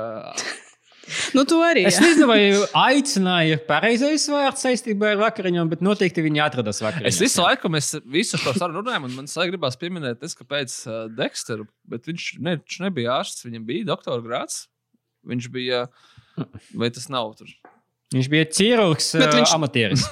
Jā, okay, bet, uh, bet viņam nebija. Es domāju, kā viņam bija. Bet viņš nebija policists. Es neesmu skatījies. Viņš Nu, Policists, viņš bija policists, viņš bija tas uh, splatter analysis eksperts, bet es domāju, vai viņam bija, Jā. vai viņam nebija doktora grāts, vai to var droši vien nočakot. Man liekas, ka visticamākais, ka Es domāju, ka tas eh, viņi jau mācās uz kriminālu. Jā, ne? nu, ka viņam pat arī varbūt varētu būt. Nu, bet es tagad negribētu apgalvot. Un uh, ko vēl? Ah, nu jā, mūsu mīļākais ārsts, doktors Niks Riviera no Simpsoniem. Bet nu, pie tā mēs sakām, ne, neviens negribētu nokļūt. Man liekas, ka tas ir uh, personāžs, kurš ir. Uh, Kur nu, ar apūvu viņi ir tikuši galā, tad tas būs nākamais, pret kuru versīsies, ka viņš ceļ neslavu visiem iespējamiem ārstiem. Bet uh, smieklīgs, jā. Tas, tas laikam ir pie ne negatīviem Man- personāžiem. Indeed. Man zina, ka man arī ir eh, pāris eh, ārsti, pie kuriem es eh, noteikti negribētu nokļūt. Teiksim, dr. Carl Hill no reanimātora. Uh, nav Bet laikam, viņš, tas viņa, viņa metodas ir varbūt tā kā tādas drastiskas, bet viņš idejām laba. Viņš grib atdzīvināt cilvēkus, kas ir aizgājuši. Uh, vēl Joseph uh, Hater uh, vārdā uh, no Human Centipede arī laikam nav tas ķīruks, uh, uh, pie kura gribi nokļūt. Uh, uh, Dr. Wordsmith no seriāla Arrested Development. Your husband will be alright. Uh, Es arī pie un, uh, obviously- doktora Tobaisa Fjunke laikam neiet, ja man tādā. Yes, indeed. Uh, the anarchist, ja tu domā. Un lai ko uh, nestāstītu šis doktors, bet pie Rosa Geora laikam arī pās no manas puses. Uh, bet, uh, ja mēs sakām, uh, ah, un uh, varbūt arī pie, pie DiCaprio atveidota uh, doktora no Catch Me If You Can, uh, kaut arī man ļoti patīk uh, aina I Concur. Uh, bet, uh, laikam, jā, es arī uh, pie viņa neietu. Tāpat kā arī uh, nemeklētu apmeklējumu pie Wesley Nilsona no, no Airplane. Jo viņa, viņa veidi varbūt nav tādi kā, kā Josepham Hateram vai Karam Hillam, bet, nu, you know, I, I, man liekas, ka kad viņš tur ir mēģināja, mēģināja nomierināt pasažieri. Tas nebija īsti pareizais veids, kā to darīt. Es sapratu, ka es laikam vispār ne pie viena no ārstiem, ko es esmu redzējis kino vai TV, negribētu iet. Jo vai nu viņi ir kā hauss, kurš tev liks justies slikti, jebkurā gadījumā, pat viņš tev izārstēs, vai arī kā, nu, pie teiksim, tā paša Nika Tekerī. Nu, es arī neietu, viņš ir sanarkojies visu laiku, un tas nu, nav labs, man liekas, variants. Un, vai arī, teiksim, ja, nu, labi, kaut kādā grejas anatomijā vai kaut kur, tur varbūt ir arī kaut kādi kompetenti ārsti, bet viņi visu laiku ir aizņemti ar to savu drāmu. Tas nebūs svarīgi. Ka, ka kaut kāda, jā, ka tā, tā aprūpe nebūs gluži tāda, kā tu, tu cerētu sagaidīt. Tā, nu, tā, tā ir kā ir. Es vēl pieminēju to uh, uh, filmu Last King of Scotland, kur James Makavai atveido, um, atveido uh, ārstu, kas darbojas Afrikā un, diemžēl, palīdz diktatoram, un tur arī man liekas, tāda interesanta dilema par to, kādu um, skatu punktu vai kāda pusē tu atrodies arī savā cēlā profesijā. Un, un, uh, it kā tev vajadzētu palīdzēt visiem, bet uh, tad dilemma var būt uh, nevienmēr. Uh, un, un uh, pie kā es noteikti varētu aiziet, un varbūt pat uh, ne tikai um, filmā, bet arī īstajā dzīvē, pie Kena Džonga. Uh, no Knocked Up, eh, par cik uh, viņš pats, uh, un viņš ir vairāk pazīstams atgādināšana no, filmām Hangover, uh, no, no Community. Uh, community, kur viņš spēlēja senioru Benu Changu, uh, jeb El Tigre is his name. Uh, The Spanish Genius. Um, un, uh, un uh, viņš izteica dzīvē ir ārsts uh, ar grādu un uh, ar pieredzi uh, medicīnas iestādēs. Un uh, Knocked Up vispār bija uh, viņa pirmā loma, uh, un tur viņš arī spēlēja pašu ārstu. Uh, līdz ar to ļoti labi ietas lomā, bet tad jau aizgāja, um, aizgāja Tālāk, aktiera karjera līdz ar visam Hangara filmām un tā tālāk. Bet uh, tur viņš nospēlēja diezgan sakarīgu ārstu. Es, es pat esmu pārsteigts, Mauris, ka ja viņš šo ārstu spēlētu tagad, tad šis būtu daudz trakāks ārsts nekā toreiz. Bet Uh, bet es gribēju vēl uz... Jā, à, nē, nē, es domāju, ka nu, jā, es gribēju pāriet uz to, ka uh, atšķirībā no seriāliem mums ir diezgan daudz uh, nopietnu filmu par uh, ārstu ikdienu, pie tam, kas ļoti daudz uh, ir ļoti plašā spektrā. Nu, lūk, un, un, ja seriālos mums ir, kā Līta pareizi pateicis, ka kaut kādā ziņā lielākā daļa seriāla tādā vai citā veidā stāsta par to, ka ārstiem ir svarīgāk viņu privātās dzīves problēmas nekā viņu pacienti, kuriem tiek veltīts daudz vairāk laika, nu, vismaz e ekrāna laika noteikti. Tad, piemēram, par fi filmu jomā mums ir tāds films, kā kāds pārveidās par dzeguzes līgstu, parāda attiecīgi psihiatrisko slimnīcu un viņas uh, dealingus. Tad mums ir, piemēram, Mārtiņš Korsēzes uh, Bringing Out Out the, Out the Dead ar uh, Nikolasu Keidžu, kurš atveido uh, atrās palīdzības sanitāru un to, kādas tas ir, cik tas ir briesmīgi. Gan psiholoģiski un arī fiziski nogurdinošs uh, process. Tad mums ir tāds filmas kā Fisher King un Awakenings, kas atkal jau stāsta par mentālās veselības problēmām. Mums ir uh, Pats Adams ar to pašu Robinu Williamsu, kurš arī bija iepriekšējās minētajās uh, un, uh, kas, uh, un, protams, Girl Interrupted, par kuru arī savulaik Anģelīna Džolija saņēma Oskaru. Nu, arī. Tā kā tā psihiskās veselības, veselības problēmas ir ļoti, ļoti interesanta un izplatīta tēma. Kas man likās ļoti interesanti, tad nezinu, kāpēc, bet uh, filmu veidotāju vidē ir uh, izplatīta. Uh, Es domāju, tas ir mīts. Es ceru, Sergei, ka tu paprasīji to Katrīnai, ar kuru mēs esam ierakstījuši segmentu. Kāpēc ir tik daudz filmas par to, kā medicīnas studenti ir kaut kādi vienkārši iebonāti. Piemēram, pata patoloģija vai flatliners kopā ar remake. Un tā ziņā, ka kaut kas ar tiem medicīnas studentiem nav labi, vienā brīdī viņi sajūg prātā un sāk darīt kaut kādas briesmeklības. Un tie vienmēr ir kaut kādi trilleri, tāpēc, ka, jā, filmā patoloģija viņi tur mēģināja nogalināt uh, pacientus kaut kādos jūtīgos veidos, un filmā flatliners viņi mēģināja attiecīgi flatlinot uh, for the fun of it. Jā, tu gluži tādus tie- vārdus es laikam nejautāju Katrīnai. Jā, un tieši tie vienmēr tie ir studenti. Kaut kā, ķipa, tā kā, nu, tā kā, kad, kad, nu, es nezinu, kāpēc ir kaut kādas klišejas, kad medicīnas studenti kaut kādi bišķiņu galvās īsti. Nu, jā, bet, ja tu pasties Grejas anatomiju, viņiem arī viņi tur ir rezidenti. Tā, ka viņi ja tu tur ņemās savstarpēji daž, dažādās drāmās, un cik nu, tur viņiem atliek tas laiks. Es nezinu, varbūt ģebanāti ir nu, drusku. nu, jā, es vienkārši izvēlējos pirms ļoti paskarbo vārdu, bet nu, nu, kaut kas viņiem, nezinu, filmu veidotājiem nepatīk. Tieši Bet man patīk, ka tu actually izolējies no visiem. Nē, nu, pat, Bet ne, ne, nevaram nepieminēt, es jau redzu, ka, ka kaut arī uh, mikrofons uh, Toms, Tomam ir atslēgts. uh, Nedrīkst nepieminēt, protams, Scrubs uh, uh, animācija, oi, animācijas komēdijas uh, seriāls, kuru īstenībā, ja tā padomā, es mēģinu atcerēties um, no tādiem klasiskiem sitkomiem, it īpaši tiem, kas uh, uh, nospēlēja uh, vairākas sezonas. Tas bija viens, varbūt arī priekš manis. Tad, uh, no pirmajiem, kuriem nav aizkadra uh, smiekļu, kaut arī viņš veidots joprojām pēc tāda paša formāta, kur ir 20-25 minūtes sērijai, un arī ir uh, pārsvarā procedurāls, kur viņi divu ar kādu, teiksim, to vai šito uh, problēmu medicīnisko, bet skaidrs jau arī, ka nevar arī iztikt bez savas drāmas. Um, un, un uh, te skaidrs, ka tas ir uh, viens no varbūt arī retajiem uh, seriāliem, kas uh, ir vieglākā formātā pienākt pie medicīnas iestāžu attainojuma. Uh, bet no otras puses arī uh, paspēja, uh, paspēja arī kaut kādas uh, dramatiskākas sižeta līnijas izspēlēt laika gaitā, kas arī uh, varbūt uh, ir uh, bieži ar ko sastopas uh, medici. Uh, Bet man ir vēl uh, tāds īsais saraksts. Man vienmēr fascinēja, varbūt uh, medicīnas ainas, nemedicīnas apstākļos. Un ar to domāju, teiksim, uh, Anacondas filmu, kur Džons Voits uh, mēģina uztaisīt trachetomiju ar uh, pilspāvu. Uh, un, un es par to arī mākslinieks uzjautāju Katrinai, vai tas ir iespējams. Viņa teica, ka maybe not the best idea. Um, bet uh, es uh, tajā brīdī uh, mēģināju ļoti atcerēties kādu filmu, kuru es uh, redzēju es nezinu, pirms 11 gadiem.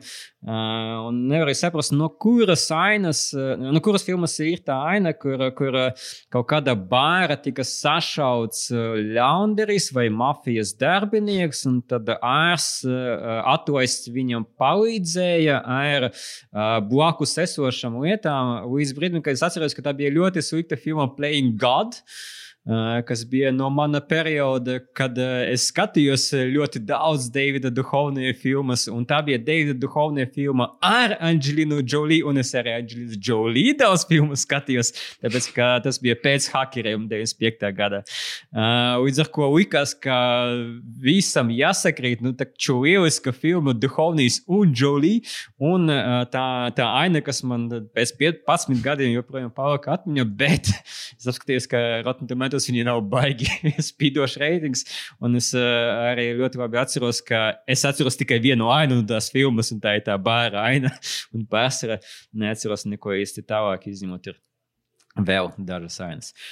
Uh, un vēl Džeks no seriāla Lost. Uh, man man uh, diezgan fascinē viņa um, resursu izmantošana, kad, kad varbūt nav viņam medicīnas nekādu aparātu vai, vai baigi sterila vieta, bet uh, nu, tad viņš mēģināja palīdzēt, cik nu viņš var. Uh, saviem sabiedriem. Tagad tur bija briesmīga aina pirmajā sezonā par kaut kādu amputāciju, kur viņi mēģināja man šķiet, Jā, samēr, samēr jā, Halderu to kāju. izārstēt, bet nesanāca. Piedodiet par spoileru. Tu man atgādināji, ka mēs runājām par Robertu Rodrīgesu, kamēr kaut ko jūs tikko runājāt, un tad es atcerējos par to, ka uh, taču viņa filmā Planet Terror bija vesels pāris ar medicīnas profesionāļiem Džoša Browina. Un Merlīs Šeltons atveidojumā, bet es nedomāju, ka tie varētu būt parauga ārsti, teiksim tā. Uh, nu, lūk, un, uh, ja jums ar šitām uh, filmām un seriāliem nepietiek, vai mēs neiedvesmojam, varbūt uzreiz ķerties klāt un skatīties kādu no tiem, tad uh, mums ir vēl īpašais uh, viesis Katrīna Rutka, kas strādā par anesteziologu un piekrita mums pastāstīt par to, kā filmas un seriālos atspoguļo mediķus, pastāstīt, kādas ir populārākās klišejas, kā vispār mediciem ir sajūtas skatoties filmas, kuras varbūt nevienmēr ir precīzas. Un tad beigās viņi arī iedod mums to piecinieku, kas vairāk ir no eksperta viedokļa un legit nevis mūsu vienkārši tā kā minējumi, kas ir vai kas nav realitāte. Tā kā ļoti ceram, ka jums arī šīs ekspertu viedoklis patiks. Kā man te pieteikt, Katrīna?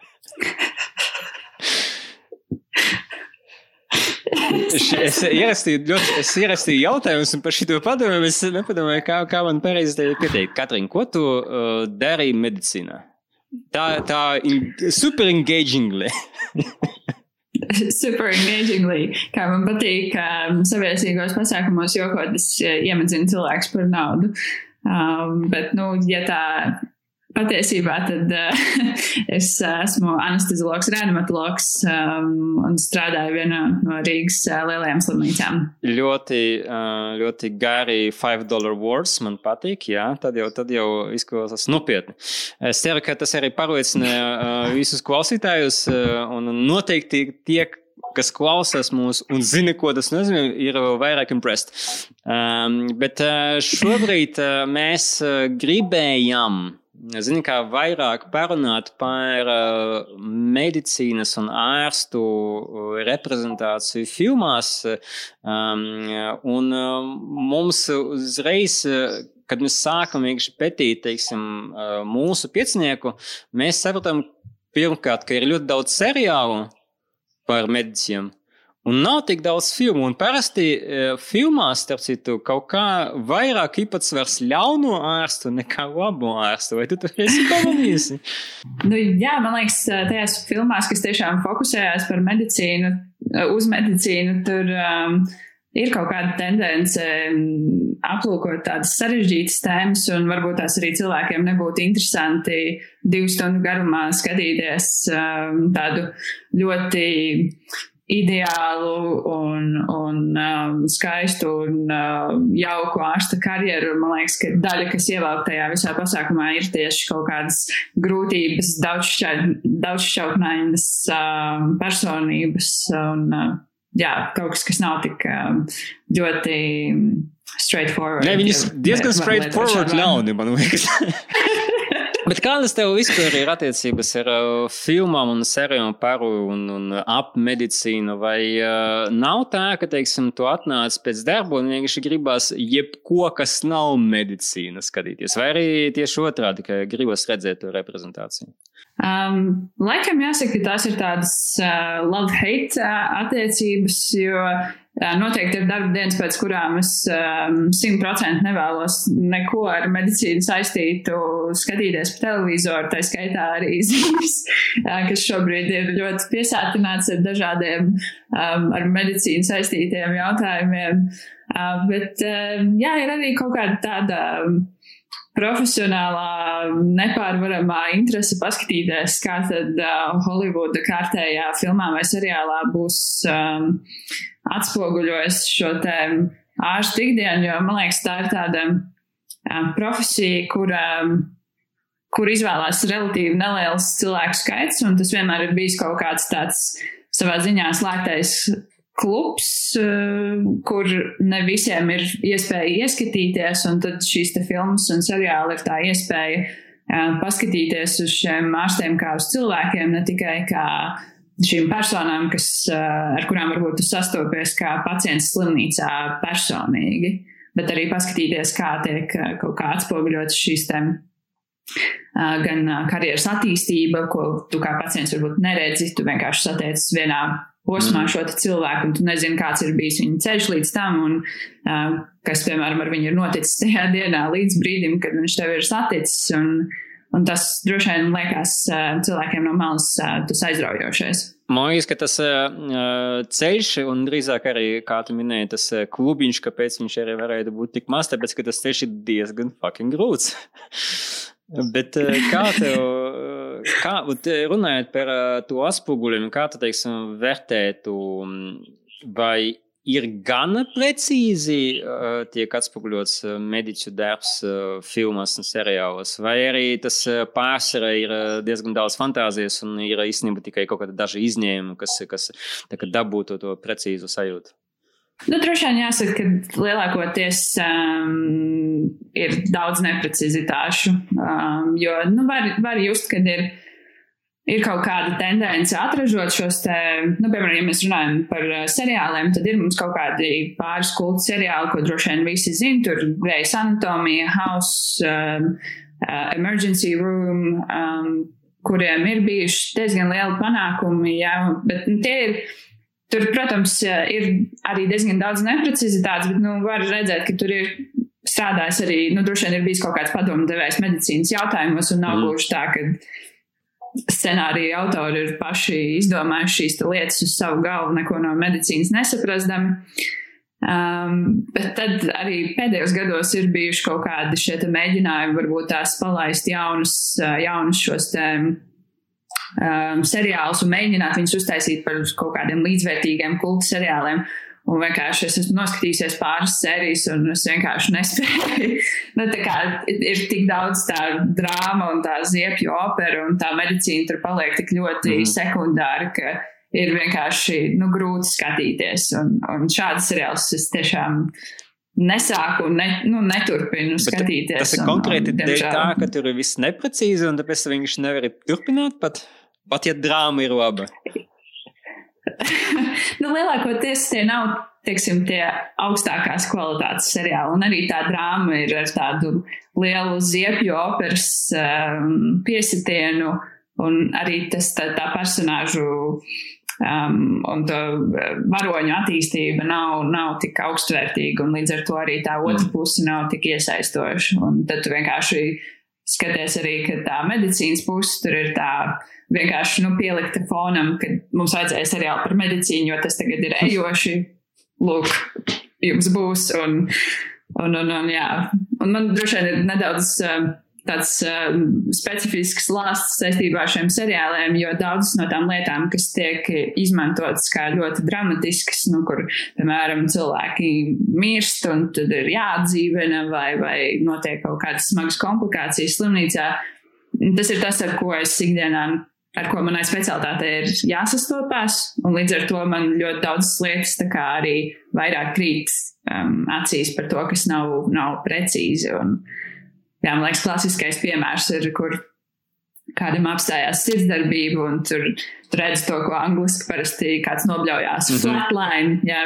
Un um, nākamais um, kliedziens ir, kad um, sadabojiniet man defibrilātoru, kas jā. ir kā absolūti nepareizi, nepareizi no atdzīvināšanas algoritmu viedokļa. Un, ja šī kļūda ir seriālā, tas man uzreiz tā kā par mīnus 20 punktus. Bet tev ir kaut kāds, teiksim, bijis konkrēti ar uh, kādu filmu vai seriālu, kur, uh, kur nu, tieši dēļ tādas neprecizitātes uh, tu heito kaut kādu konkrētu franšīzi? Varbūt ne par konkrēti šo kļūdu, bet. Uh, Ne, nu, varbūt tās ne par, ne par konkrēti vienu tādu kļūdu, varbūt es mm. neheitoju, bet uh, es kaut kad uh, nesen, nu, relatīvi nesen, pirms pāris gadiem, man liekas, iznāca tāds jauns seriāls uh, Residents, The Resident. Uh, Un es noskatījos kaut kādas pirmās pāris sērijas, un nu, tur bija vairāk faktoru, kādēļ man tas seriāls nepatika. Bet uh, viens, uh, viens no tiem bija tas, ka tur bija otrā dialekta centrālās vējas katedras, ko mēs arī darām katru dienu. Un, man liekas, nu, ja tu tik ļoti izteikti balsti savu šovu uz medicīnas jautājumiem, nu, tad es nezinu, vai tur tas. Uh, Padomdevējs medicīnas jautājumos bija aizmirsis tajā dienā, bet, uh, nu, bija tāds, come on! Vai, vai uh, konkrēti par anesteziju runājot, um, skaitot no desmit līdz viens, tas ir precīzi vai neprecīzi? Tas, ko mēs bieži vien redzam filmas seriālos. Tu zini, ko es domāju? Uh, jā, um, nu, tas ir viens no paņēmieniem, kā, kā tu varētu novērtēt um, to zāļu iedarbības uh, līmeni, bet uh, Latvijā tas nav tik populāri likt pacientiem skaitīt. Um, katram anesteziologam ir varētu būt arī savs pieejams, kā viņš uh, novērtē, kurā brīdī tā tās zāles ir sasniegušas um, savu to iedarbību, kur pacients ir uh, pilnībā aizmidzis.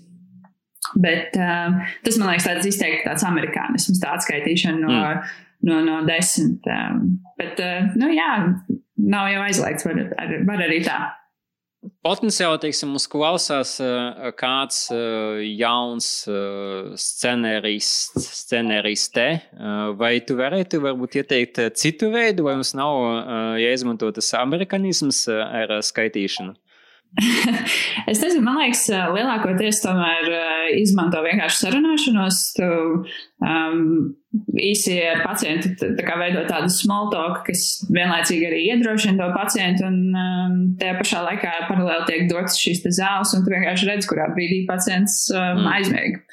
Daži mēģina vēl tā kā tev pusteikumā atbildēt kaut ko, un tad iemieg līdz galam nepabeiguši savu domu. Um, bet jā, nu, nezinu, šobrīd uz vietas tāda nenāk tāda ļoti spilgta metode, ko, kas mm. um, būtu tā kinematogrāfiski izskatītos ļoti iespaidīgi. Nebija nekad tā, ka uh, tu sāc runāt ar kādu, um, vai pārbaudīt to, un tā saruna ir diezgan interesanta. Tad viņš aizmieg pusceļā, un tu neuzzini, teiksim, viņš stāsta tev gan filmas kaut kādu sižetu, un tu neuzzini beigas, un viņš tikai plikšķi jau guļ. Nebija. Uh, ir, ir, ir bijuši pacienti, kas aizmirst pusteikumā. Ir reizēm atbūt tādas interesantas reakcijas. Uh, tajā pirmsmiega brīdī cilvēki sāk runāt uh, visādas interesantas lietas par sevi vai, vai, vai kā, bet uh, tas, tas ir paliek mazais noslēpums starp pacientu un anesteziologu. Vat šīs, šīs ir labs moments. Šo noteikti vajadzētu ierakstīt. Tāpēc, ka tas ir nu, desmit līdz vienniekam, nu, tas ir, nu, kā jau tu pateici, pārāk bieži jau izmantos, bet tādu momentu vajadzētu, jā, vajadzētu jau. To varētu apspēlēt, jā, varbūt. Mm -hmm. Konkrēts jautājums ir par seriālu House. No. Uh, cik bieži ir lupus uh, slimība? Tas, es nesaprotu, vai tas ir vairāk running joke, vai tas ir tiešām tik bieži kā variants. Nu, tas ir um, Hauss, man liekas, ar to ir kļuvis um, tiešām par tādu nedaudz, uh, varētu teikt, savā ziņā apsmieklu par to lūpas. No otras puses, es negribu tā kā um, nonivelēt uh, vilkēdi kā, kā slimību. Viņi tiešām ir um, varbūt ar ļoti dažādām un plašām izpausmēm. Um, tagad uh, manā ikdienā ir diezgan reta parādība noteikti reumatologiem uh, un, un uh, dažādiem autoimūnu slimību speciālistiem. Daudz biežāk ar to sanāk um, satikties. Um, bet jā, nu, House ir ļoti īpašs seriāls, ja tā Es redzu, ka tu meklē vārdus. Nu, jā, bet tā kā no vienas puses tas ir um, droši vien viens no pirmajiem seriāliem, kas cilvēkiem nāk prātā, tad, kad viņiem pajautā, vai jūs zinat kādu seriālu, kas ir um, balstīts uz uh, mediķu tur ikdienu un, un medicīnu kā tādu. Bet, um, jā, tas ir, tur tiek aplūkotas tik ļoti, ļoti īpatnēs un retas situācijas, um, kas. Uh, reizēm tev kā tādam ierīnas ārstam uh, liek uh, noelsties un, un teikt, nu, tiešām. jo, jo es nezinu, vai tu esi lasījis um, šo grāmatu Dieva dziednīca, kas arī tiek uh, proponēta kā tāda grāmata, ko izlasa katrs um, sevis cienīgs medicīnas students un rezidents um, par šiem te um, pirmajiem prakses un apmācības gadiem ienākot medicīnā, bet um, tur ir tāds teiciens par uh, zirgiem un zebrām. Um, kad dzirdi pakāpju mhm. skaņas, tev tomēr lielākoties ir jādomā par, par zirgiem, nevis par zebrām. Un, un tādā ziņā haus, hausā vienmēr ir zebras. tas, tas diemžēl neatspoguļo to mūsu reizēm um, pēdiņās garlaicīgo ikdienu, un kas vēl vairāk, man liekas, hausam, uh, vismaz man tā kā atņem to šarmu šim seriālam, ir tas, ka tur netiek ievērots īsti nekādas, uh, nekāda loģika par to, ko kurš speciālists dara. Uh, tur iekšķīgo slimību speciālists uh, dara visu, sākot no izmeklējuma veikšanas laboratorijā līdz uh, ķirurģiskām manipulācijām, kas nu, vienkārši neatbilst realitātei. Nu, kā, mm. Tomēr ir kaut kāds um, lomu sadalījums, un, un es saprotu, ka cenšas parādīt, ka šie galvenie varoņi dara visu no A līdz Z, bet tas vienkārši nav, nav realistiski. Tad mēs no neprecizētiem palikam pirmkārt atzināšana. Pareizais termins, jā. jā. Tad, tad tas, ka speciālisti pēkšņi nav speciālisti, bet dara like, pilnu spektru, visu ko. Ārsts bagājos, jā. Yes. Labs definējums. Labi, uh, uzdevums, jā, vai, vai tas, ko es tev paprasīju sagatavot, ir tas, ko mēs arī parasti darām, ir uh, piecinieks. Uh, ir, uh, mēs parasti darām filmām, bet šoreiz mēs tā kā nolām arī plašāk, plašāk um, paņemt arī seriālus, tāpēc, ka, nu, par medicīnu medicīnu vairāk tieši varbūt mēs zinām arī no, no seriāliem. Un īstenībā ar filmām mēs sākumā bijām domājuši, ok, mīļākie ārsti, un tad sākas visa tā padarīšana ar ļauniem ārstiem, kurus tur īsti varbūt nenosauksi par mīļākiem ārstiem. Noteikti ne tiem ārstiem, pie kuriem tu gribēji pierakstīties. Tāpēc seriāli arī ir klāt. Un, un, Uh, gribētu saprast, jā, kāds ir tavs piecinieks, un varbūt arī pat interesantāk, uh, kāpēc tas ir tas piecinieks. Vai tāpēc, ka precīzi, neprecīzi, vai tāpēc, ka ir kaut kāda detaļa, kas tev vislabāk patika, uh, atainojama. Jā, nu, šis bija visnotaļ tāds um, grūts uzdevums savā ziņā, tāpēc, ka. Um, es domāju, ka salīdzinot pret tavu profesiju, tas nav.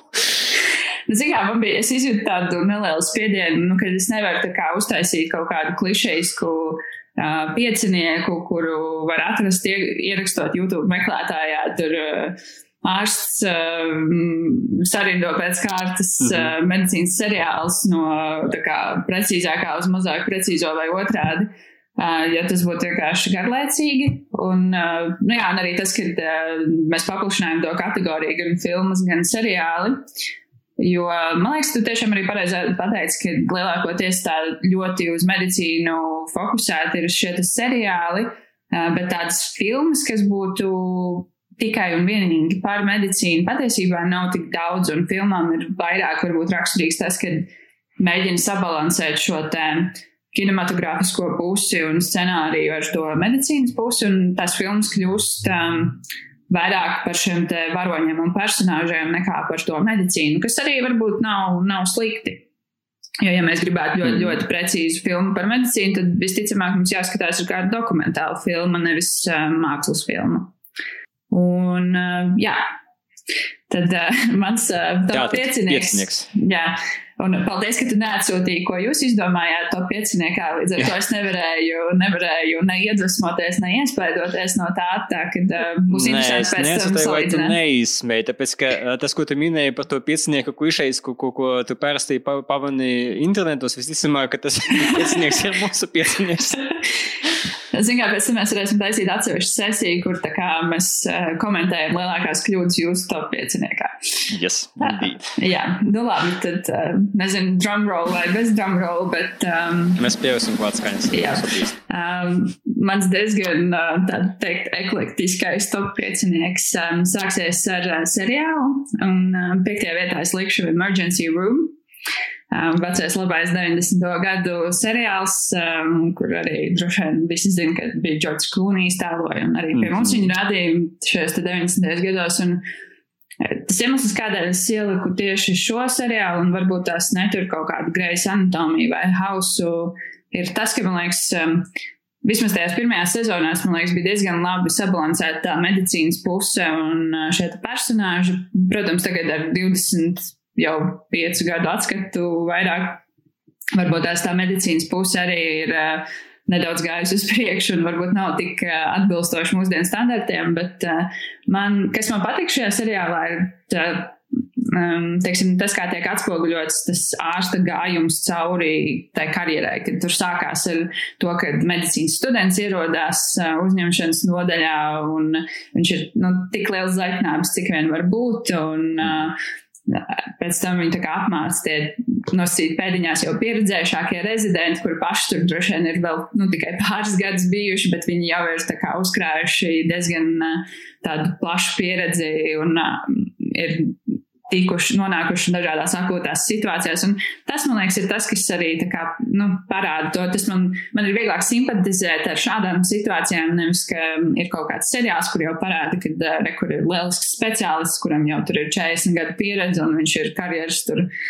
Ja ne zenītā, tad varbūt jau pāri tam. Man patīk tas process, kad tiek, tiek parādīts, ka tu nepiedzimst par ārstu, tev ir jāiegulda daudz sūra darba, tu saskaries ar dažādām uh, um, emocionālām, um, vētrainām situācijām, uh, ir, ir šaubas par sevi, par savām izvēlēm, um, nedrošības sajūta reizēm, bet atkal ir viss eh, šis stress, tas, tā, tā situācija, kurā tu esi, tev attīst un tu pakāpeniski kļūst par to speciālistu. Un man patīk tas pakāpeniskums, jo neviens no mums par ārstu nepiedzimst, un tomēr tur ir daudz gadi un darbs eh, jāiegulda. Un tas man patīk. Ceturta vieta.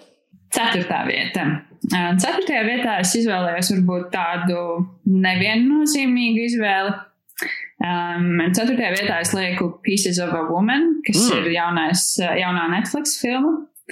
Un, um, jā, šeit varbūt tas nav, tas nav tā kā stāsts par ārstiem un slimnīcu tādā tradicionālā izteiksmē, bet uh, tomēr šeit tiek apskatīts diezgan um, um, zināmā mērā sensitīvas tēmas. Um, šeit, es nezinu, vai es varu spoilot um, ļoti lielā mērā, bet tā kā Um, šis ir traģisks stāsts uh, par sievieti, par maidzemdībām, par uh, viņas pirmā bērna dzemdībām.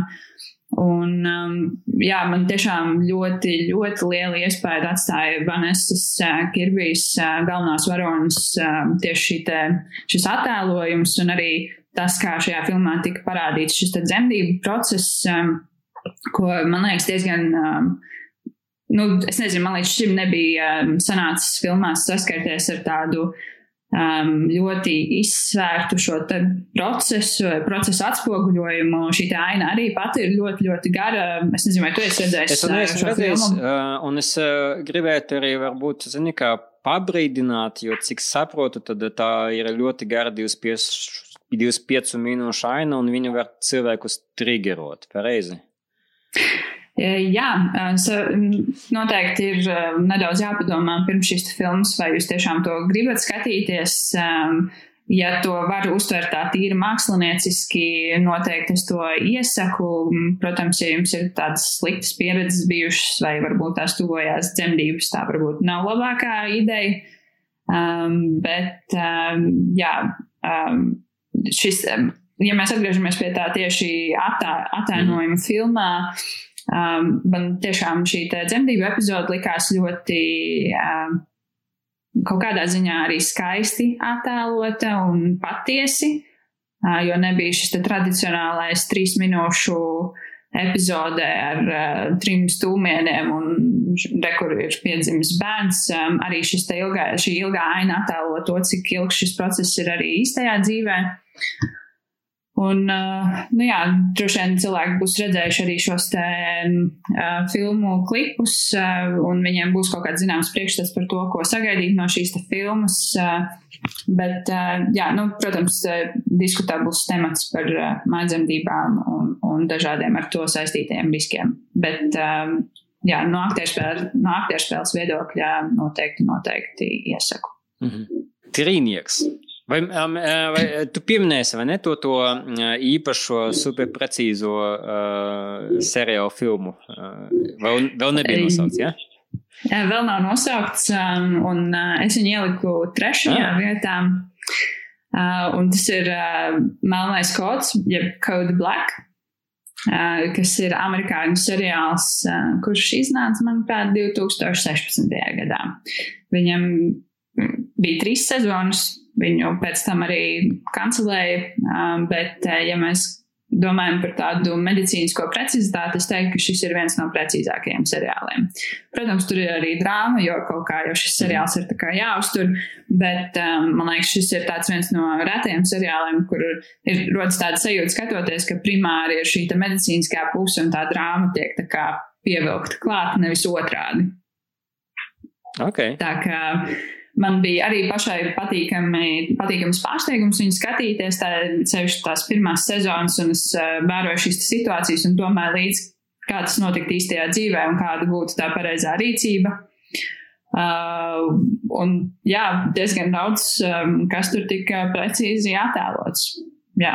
Piefiksēsim. Jaunajam medicinam noteikti patiks ieteikums. Um, nu, jā. Tad, laikam, mēs virzamies uz uh, pirmajām divām pozīcijām, un otrajā pozīcijā es ieliku, zināmā mērā, tādu klasisku gabalu, uh, One Flew Over the Cuckoo's Nest. Mm -hmm. Um, ar uh, Džeku Nikolsonu galvenajā lomā, kurš uh, kārtējo reizi diezgan uh, fenomenāli attēlo mentāli nestabilu varoni.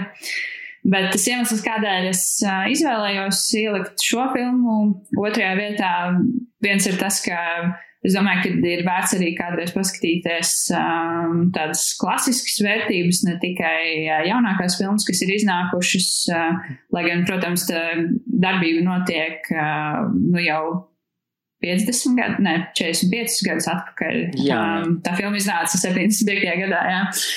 Um, bet jā, um, man liekas, ar šo filmu es gribēju pateikt to, ka te tiek apskatīts atkal diezgan tāds sensitīvs temats psihiatriskie pacienti, viņu ārstēšana un um, to, kā mēs uztveram šos pacientus arī kā sabiedrība.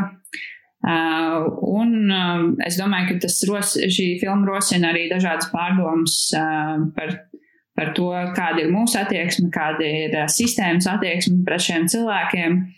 Un, jā, un man liekas, tā filma parāda to, cik neaizsargāta ir šī pacienta grupa, jo atkarībā no tā, kāda ir viņiem tā saslimšana un tās simptomi, viņi var būt arī pilnībā nespējīgi pieņemt par sevi lēmumus. Viņi var nonākt institūcijās, kur viņi kļūst pilnīgi atkarīgi no um, ārstiem, māsiņām uh, un šiem cilvēkiem, kas viņu vietā var pieņemt lēmumus. Tie ir aizgādņi, aprūpētāji. Un, protams, šī filma ir tāds diezgan ekstrēms piemērs par to, kā nevajadzētu būt. Un um, šai, šajā filmā tiek aplūkot arī laiki, kad uh, tika izmantots diezgan radikāls un agresīvs šīs ārstēšanas metodas.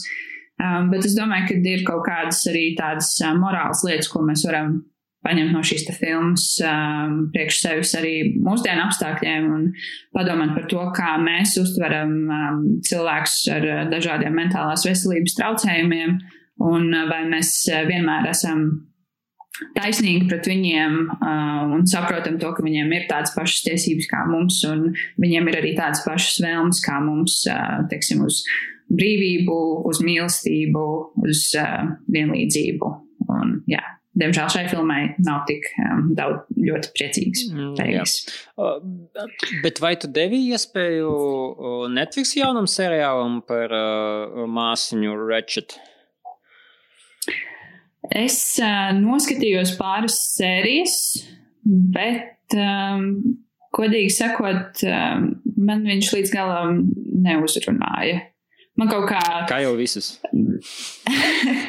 jo es nezinu, man, um, man kaut kā Sarah Paulson sāk saistīties ļoti ar uh, American Horror Story. Mm.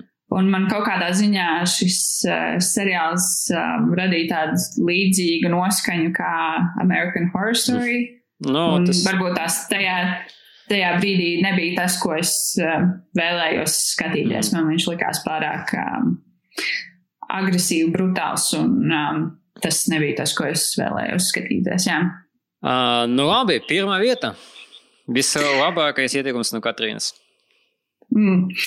Pirmā vieta uh, ir tāds neliels guilty pleasure, uh, jo droši vien to varētu kritizēt, uh, ka tā nav, teiksim, lieliskākā, uh, lieliskākās kvalitātes filma um, no aktieru spēles viedokļa vai kā, bet es lieku contagion, jeb infekciju kas ir uh, 11. Mm -hmm. gada amerikāņu mm -hmm. filma. Mm -hmm. Un es domāju, ka šajā klimatā un šīs pandēmijas ietvaros viņi vienkārši attieksēja visas kastītes par aktualitāti un, un līdzību uh, realitātei, mm -hmm. uh, ko mēs nebūtu spējuši iedomāties pirms uh, šiem deviņiem, desmit gadiem, kad tā filma iznāca. Bet uh, tagad vienkārši viņu skatoties, uh, pilnīgi šarmuļi skrien pār kauliem. Um, jo arī, nu, es domāju, ka jebkurš, kurš ir redzējis šo filmu, zina, ka iet runa par um, vīrusu infekciju, kas izplatās pa visu pasauli, kurai uh, pamatā ir uh, gripai līdzīgi simptomi.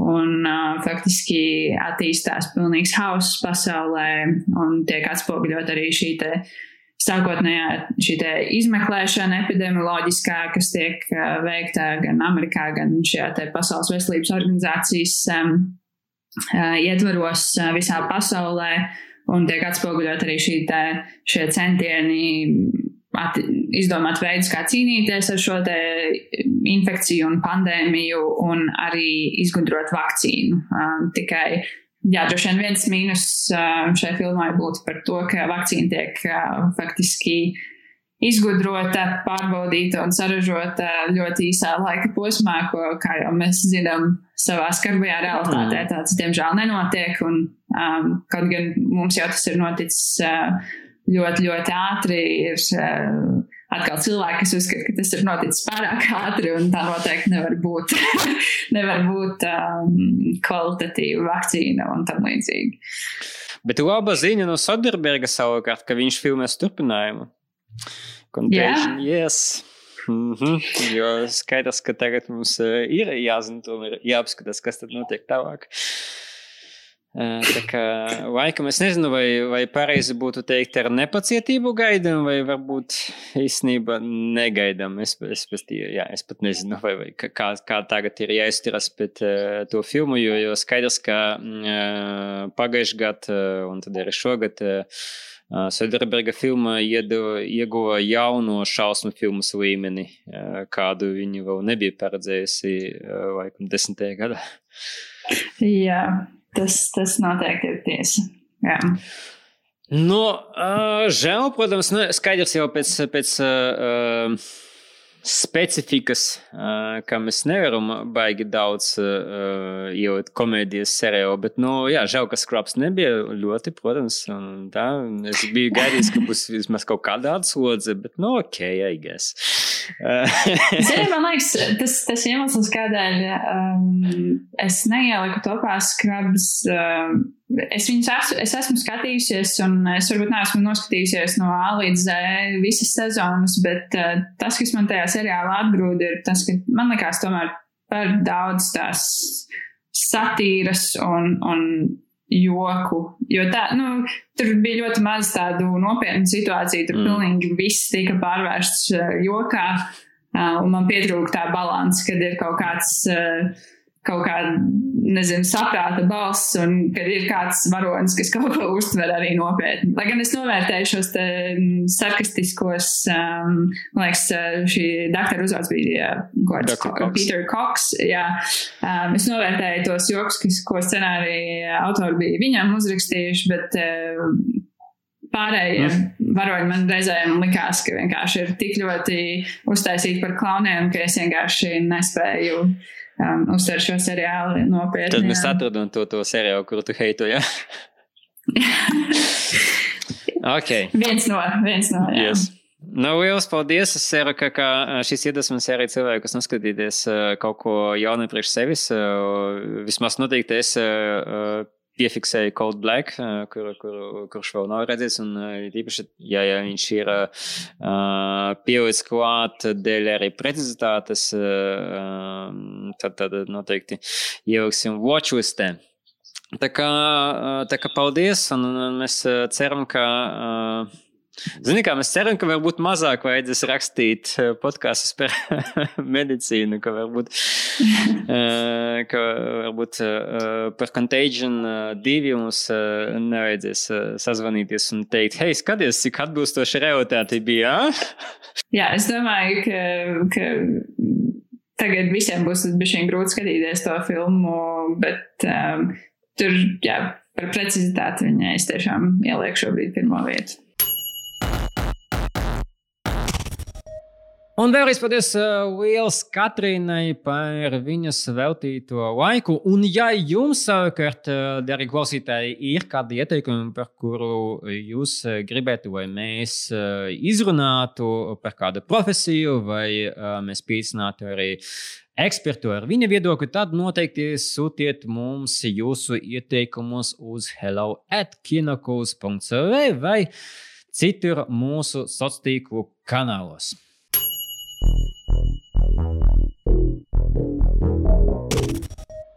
Nu, ko lai uh, pastāstā mūsu klausītājiem, ko mēs esam labi noskatījušies? Līva, kā tev iet ar, ar Curb Your Enthusiasm? Viss vis kārtībā virzās uz priekšu? Virzās, virzās. Viņš kaut kā tas nav no tiem seriāliem, ko es varu nostīties šausmīgi daudz sērijas vienā paņēmienā, jo laikam tas krinža apjoms ir pārāk liels, lai to varētu ilgstoši izturēt, bet, bet viņš iet uz priekšu. Tagad esmu trešajā sezonā. Vai arī Davida var izturēt mazās dozās? Ja? Nu, kaut kā, es nezinu, laikam izjūtu tās viņa sāpes tik dziļi, ka, ka, ka viņas pēc tam ir kaut kā jāprocesē.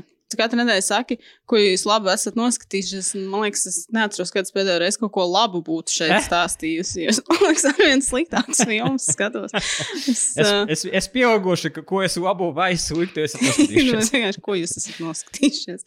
Uh, jo es turpinu kaut kādus diezgan izmisīgos un skumjos uh, ekskursus Netflix sliktajā galā, no kuru laikam es nekad netikšu vaļā, tāpēc, ka viņi visu laiku uztaisa jaunas sliktas filmas, un kuras man tad ir jāskatās.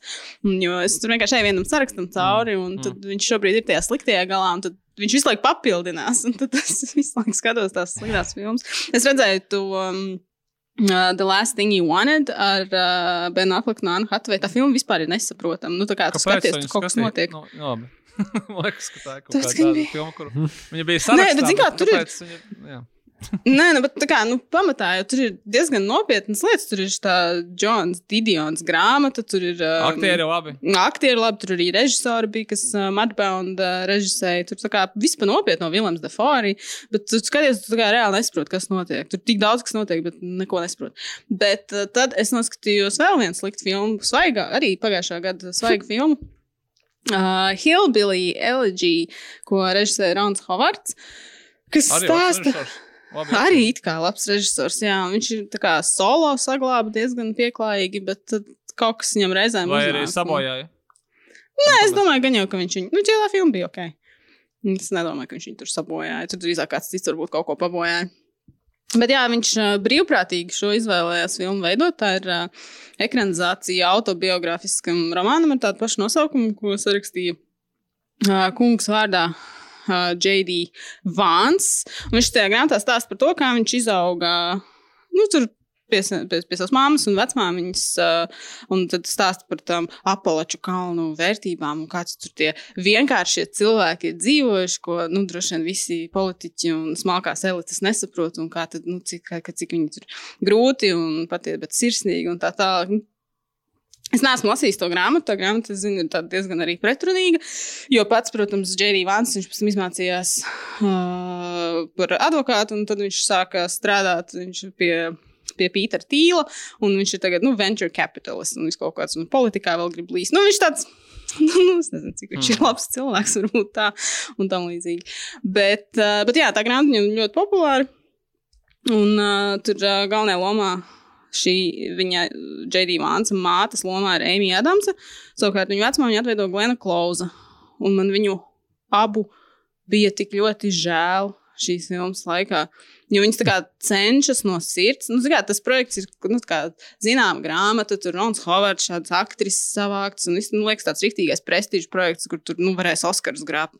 Bet nesanāk. Viņi aizgrābsies drīzāk līdz kaut kādām zelta avenēm, jo viņš ir nu, tādās vissliktākās šāda tipa drāmu klišejās veidots. Tur ir viss šīs tik sirdi plosošās ainas, visi Glena Klausa pārspīlē, Amy Adams pārspīlē, un viņi tik ļoti rauj tās emocijas ārā, ka tu kaut kādā mērā gribot, negribot smejies par to visu, un tas nav nopietni. Tā, nu, tā filma ir slikta.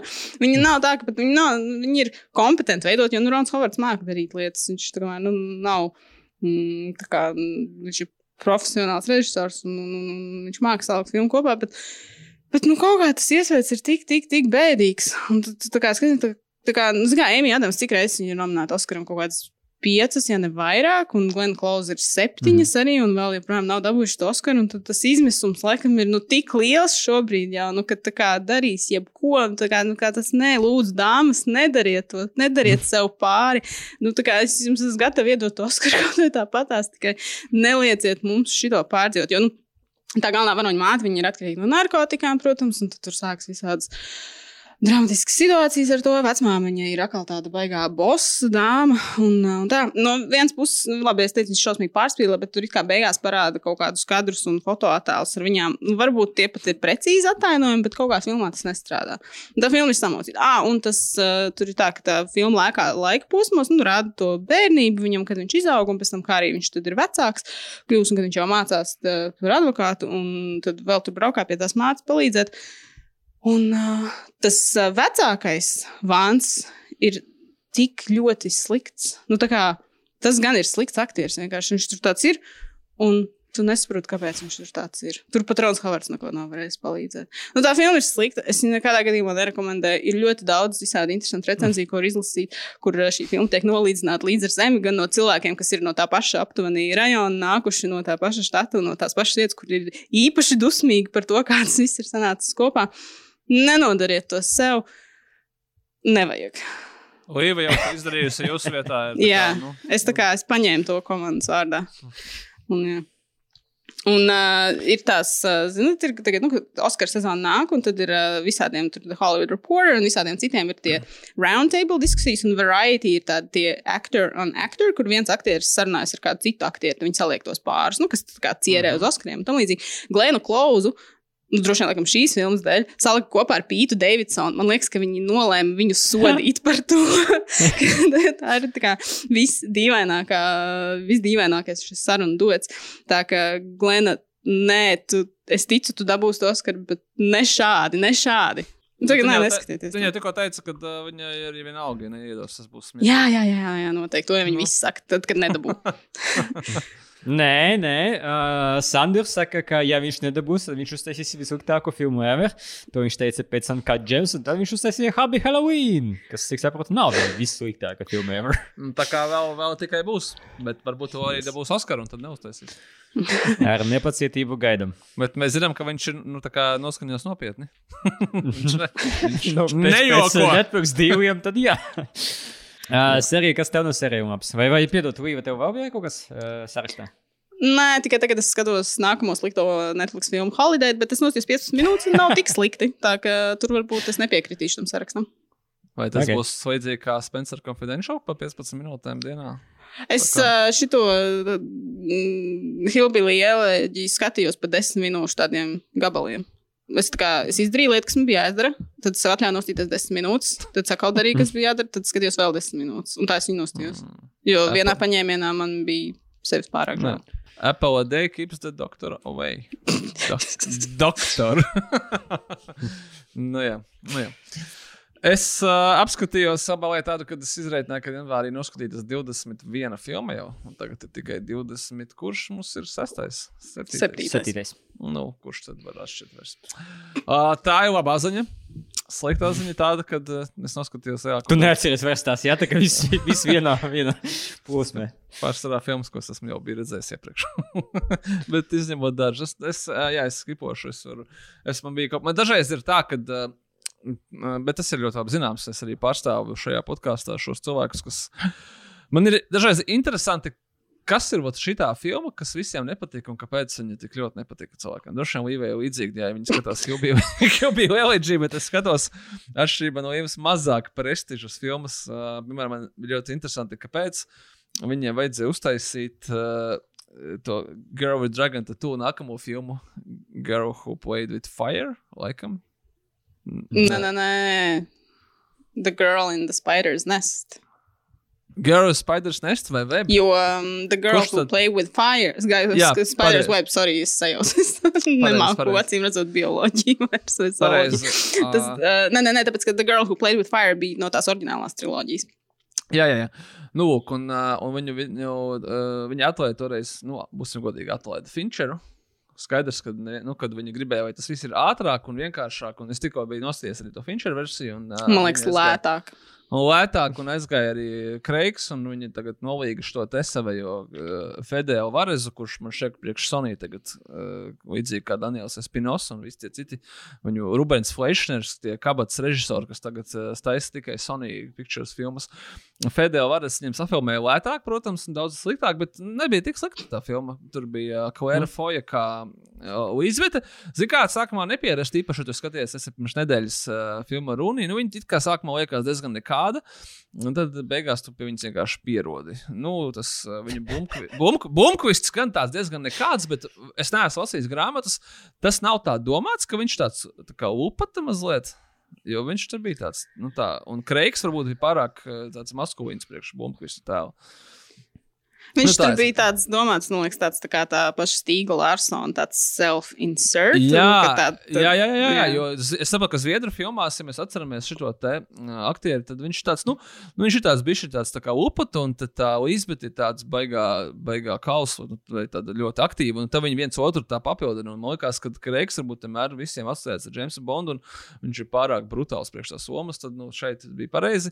Un tev bija labākais, ah, te bija galvenais ļaundaris, zini, kas bija? Uh, Klais Banks, kurš ir Drakula no tā BBC seriāla. Viņš atveidoja, ļoti interesanti, tur viņš atveidoja kaut kādu krievu bandītu, kuram bija, viņš bija pats žagaķeļi vai kaut kas tamlīdzīgs. Un filmā apmēram 15 minūtes viņi nevarēja saprast, un saka, nu, blīn, nu, tā kā arsonists.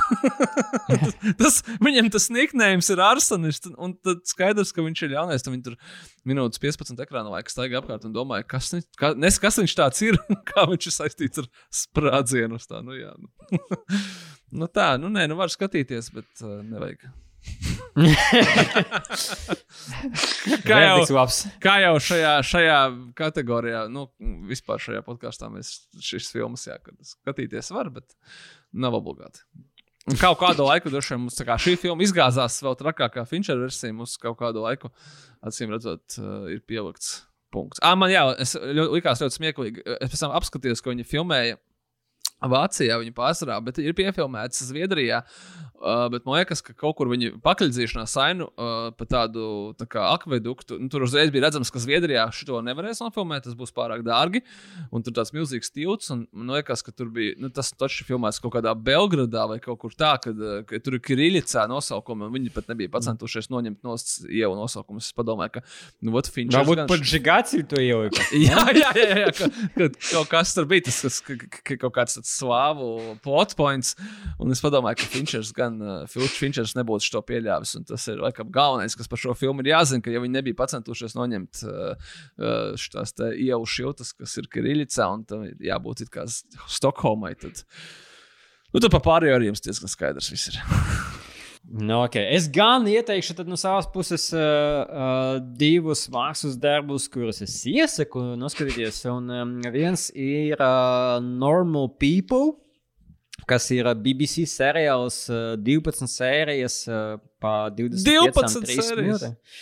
Ai, nu, bet 25, 30 minūtes. Uh, un ļoti, ļoti bingeable tā, ka tu noskaties, un tev uzreiz gribas ķerties klāt pie nākamās sērijas. Uh, un šis ir minisērijāls, līdz ar to tā ir tikai viena sezona, jo balstīts uz īru autores Saujas Rūnijas grāmatas ar tādu pašu nosaukumu no 18. gada. Un grāmata guva diezgan plašu rezonanci, ieguva daudz literāru balvu. Vai varbūt tu esi lasījusi? Nē. Noteikti varbūt tam arī balvam piespēlēja arī fakts, ka pašai autorai uz to brīdi bija vien 27 gadi, un stāsts ir par attiecībām starp diviem jauniem cilvēkiem - Marijanu, kuru spēlē Deizija Edgara Jonesa, un Konalu, kuru spēlē Pauls Meskals vairāku gadu gaitā. Mēs viņus iepazīstam skolas pēdējā gadā mazajā īrijas pilsēta, kur nekas īpaši spožs nenotiek, un kur dzīvo savukārt aspratīga Marijana. Un dzīvo viņa lielajā saurupu mājā, on a hill. Naudas pietiek, un tāpēc viņi īsti, varbūt tajā mazajā pilsētā, nav baigi populāra skolās. Un viņi arī īstenībā necenšas tāda būt. Un pretī savukārt ir Konovs, kuras, uh, kura mamma tīra Marijanas māju trīs reizes nedēļu, jeb atrodas arī varbūt tā kā drusku uh, zemāka ienākuma klasē. Nu, ne jau drusku arī pamatīgi zemāka ienākuma klasē, tāpēc, ka viņam tiešām ir mansion. Uh, bet Konos pats gan ir populārākais, gan arī vai čaujas skolā, tīpaši pateicoties tam, ka viņš nes skolai sporta uzvaras, līdz ar ko viņš ir tāds joks, bet viņš nav tipisks joks, kuru mēs esam pieraduši redzēt uz ekrāna, bet tāds apdomīgs un arī sensitīvs un, un, un patīk lasīt grāmatas. Un mēs sekojam līdzi tālāk. Var sakot, tikai, tikai, sieviet, sorry, tikai sieviete var izdomāt tādu joku, kurš ir tā joks, bet sensitīvs. Nu, tā kā. Nu, nu, nu. Vat, nē, tu paskaties uh, to sēriju un sapratīsi, kāpēc tā ir. Uh, un man liekas, ka tur ir diezgan labs. Pēc, viņš ir izdomājis. Nē, tur diezgan. Zini, kā viņš ir izdomāts, bet viņš ir arī balstīts uz uh, viņas pašas uh, pieredzes, tāpēc ka abi divi uh, personāļi apmeklē to pašu augstskolu, kuru viņa apmeklē. Un īstenībā Konovs apmeklē to fakultāti par angļu valodu un literatūru, ko apmeklē arī savu runu. Tā kā īstenībā uh, Konovs drusku balstīts uz uh, viņas pašas pieredzes. Uh, un, uh, jā, mēs tālāk, tad, kā jau minēju, mēs sekojam līdzi viņu attiecību sākumam, bet arī viņu dzīvei Dublinā, uh, Auskola, viņu veiksmēm un viņu krīzēm. Un šo šovu veidoja filmu un logu režisora Hetija Makdonalda un uh, režisors Lenijs Abrahamsons, kuru mēs varbūt labāk pazīstam kā režisoru filmām Room ar uh, Brīju Larsonu un uh, režisoram filmai Frank ar Fassbenderu. Man liekas, ka Līva kaut ko gribēja pateikt. es gribēju teikt tikai to, ka nevajag sajaukt Room ar The ne, Room. Jā, ne, ne, The Room. Uh, room. Uh, nu, un savai runai savukārt arī paudzēja rakstīt scenāriju, tāpēc arī uh, man liekas, ka viņiem izdevās ļoti uh, labi pārnest to avotu garastāvokli. Es pats grāmatu nelasīju, bet vismaz tā var spriest pēc. Uh, atsauksmēm. Bet uh, es gan varu pateikt, ka es, uh, ja tā godīgi nevaru pat iedomāties, vai pēdējā dekādē redzēju kādu labāku un realistiskāku stāstu par iemīlēšanos un par tiem kaut kādiem kautrīgiem un neveikliem brīžiem un, un par intimitāti un visu par intimitāti un seksa ainēm. Uh, jeb reku tad uh, sev tev, Sergei. Uh, šo seriālu ļoti slavē, uh, un, un uh, tur uh, nav ne kā cīniska, ļoti sirsnīgs seriāls, bet nav naivs. Šito es gribētu arī nodefinēt. Viņš nav tā kā baigi uh, visi rozā. Uh, viņš ir ar abām kājām realitāte un tā drāma, kas, teiksim, notiek starp personāžiem, nav, vai vismaz ne, nav sajūtas, ka viņa ir uzpūsta. Uh, iespējams tādēļ, ka ļoti labs aktieru darbs no, no abiem galvenajiem lomu atveidotājiem. Gan Deizija, gan Pols ir jaunpienācēji, un, un uh, Pols Miskals vispār uh, pirms tam darbojas tikai teātrī un dažas izcilmas, līdz ar ko Normal People ir viņa pirmais nopietnais darbs, un viņa sanāca ļoti dzīvi personāži, kurus tu sākumā tad, no pirmās sērijas iemīli, uh, un tad ļauj viņam savus sev sirdi, tāpēc ka Sērijos paspēja pacelt arī sarežģītākus tematus, eh, ja nav tikai bučkas un seksistāf, eh, un meklē savu par to, ka, principā, nu, kas, ko mēs piedzīvojam, tad, eh, tad in our 20s mēs meklējam savu vietu šajā pasaulē, mēs mēģinām saprast, ko mēs gribam darīt šajā dzīvē, un mēs mēģinām saprast, kur mēs iedramies, kurā sabiedrība, kurā komuna, kurā draugu grupā. Tāpēc šeit ir diezgan liels uzsvers uz identitāti un arī uz mentālu veselību, kas ļoti labi sasaistās ar iepriekšējā podkāstā minētām filmām un seriāliem. Bet uh, kopumā uh, tas visas uh, sižeta līnijas diezgan meistarīgi savienojas kopā, un uh, seriāls balansē, tad, vai es neteiktu lekā, bet balansē starp uh, pašu Marionu un uh, Konovu, uh, veltot uh, vienu epizodi viņam, vienu epizodi viņai, uh, līdz ar ko sanāca ļoti sabalansēts uh, un nesaraustīts stāsts, un, kā jau minēju, ļoti bingeable, uh, ko var noteikti arī izdarīt, ja jums ir LMT viettelevīzija vai arī šarkat, jo šīs serijas ir iekļauts HBO pakā. Uh, un labas ziņas savukārt arī tiem, kas uh, noskatījās šo seriālu, iemīlējis tajos personāžus un gribētu redzēt turpinājumu. Nebūs gluži turpinājuma, bet šie paši autori adaptēs arī Saujas Rūnijas pirmo grāmatu. Arī būs 12 sērijas, arī uz BBC. Tā kā to mēs noteikti gaidām vai nu šogad, vai nu drīzāk nākamgad. Uh, un vēl. Noskatījos filmu, kura uh, nevarētu būt radikāli uh, citāda kā seriāls Normal People, jo tā filma ir Possessor. Uh, okay. un tā ir žanra zinātniskas fantastikas uh, šausmu filma, vai drīzāk subžanra body horror. Uh, kur varbūt klausītājiem atgādināšu, ka Tas ir subžanrs, kur daļa no ainām um, apskata ķermeņa mutācijas vai sakropļošanas, un mēs parasti redzam tādas ainas uh, uh, filmās no režisoriem Darija Argenta vai Carpentera, bet visplašāk, laikam, uh, pazīstams ar, so, ar šo subžanru ir uh, Davids Cronenbergs, uh, teiksim, tādas filmas kā Videodrome vai The Fly. Un tad šī filma arī ir no Kronberga, bet no viņa dēla. Un uh, jāsaka, gan, ka uh, šīs abas nav kritis pārāk tālu no abeles, uh, un, un mēs varam noteikti redzēt, ka arī dēls ir noteikti iedvesmojies no uh, sava tēva darbiem.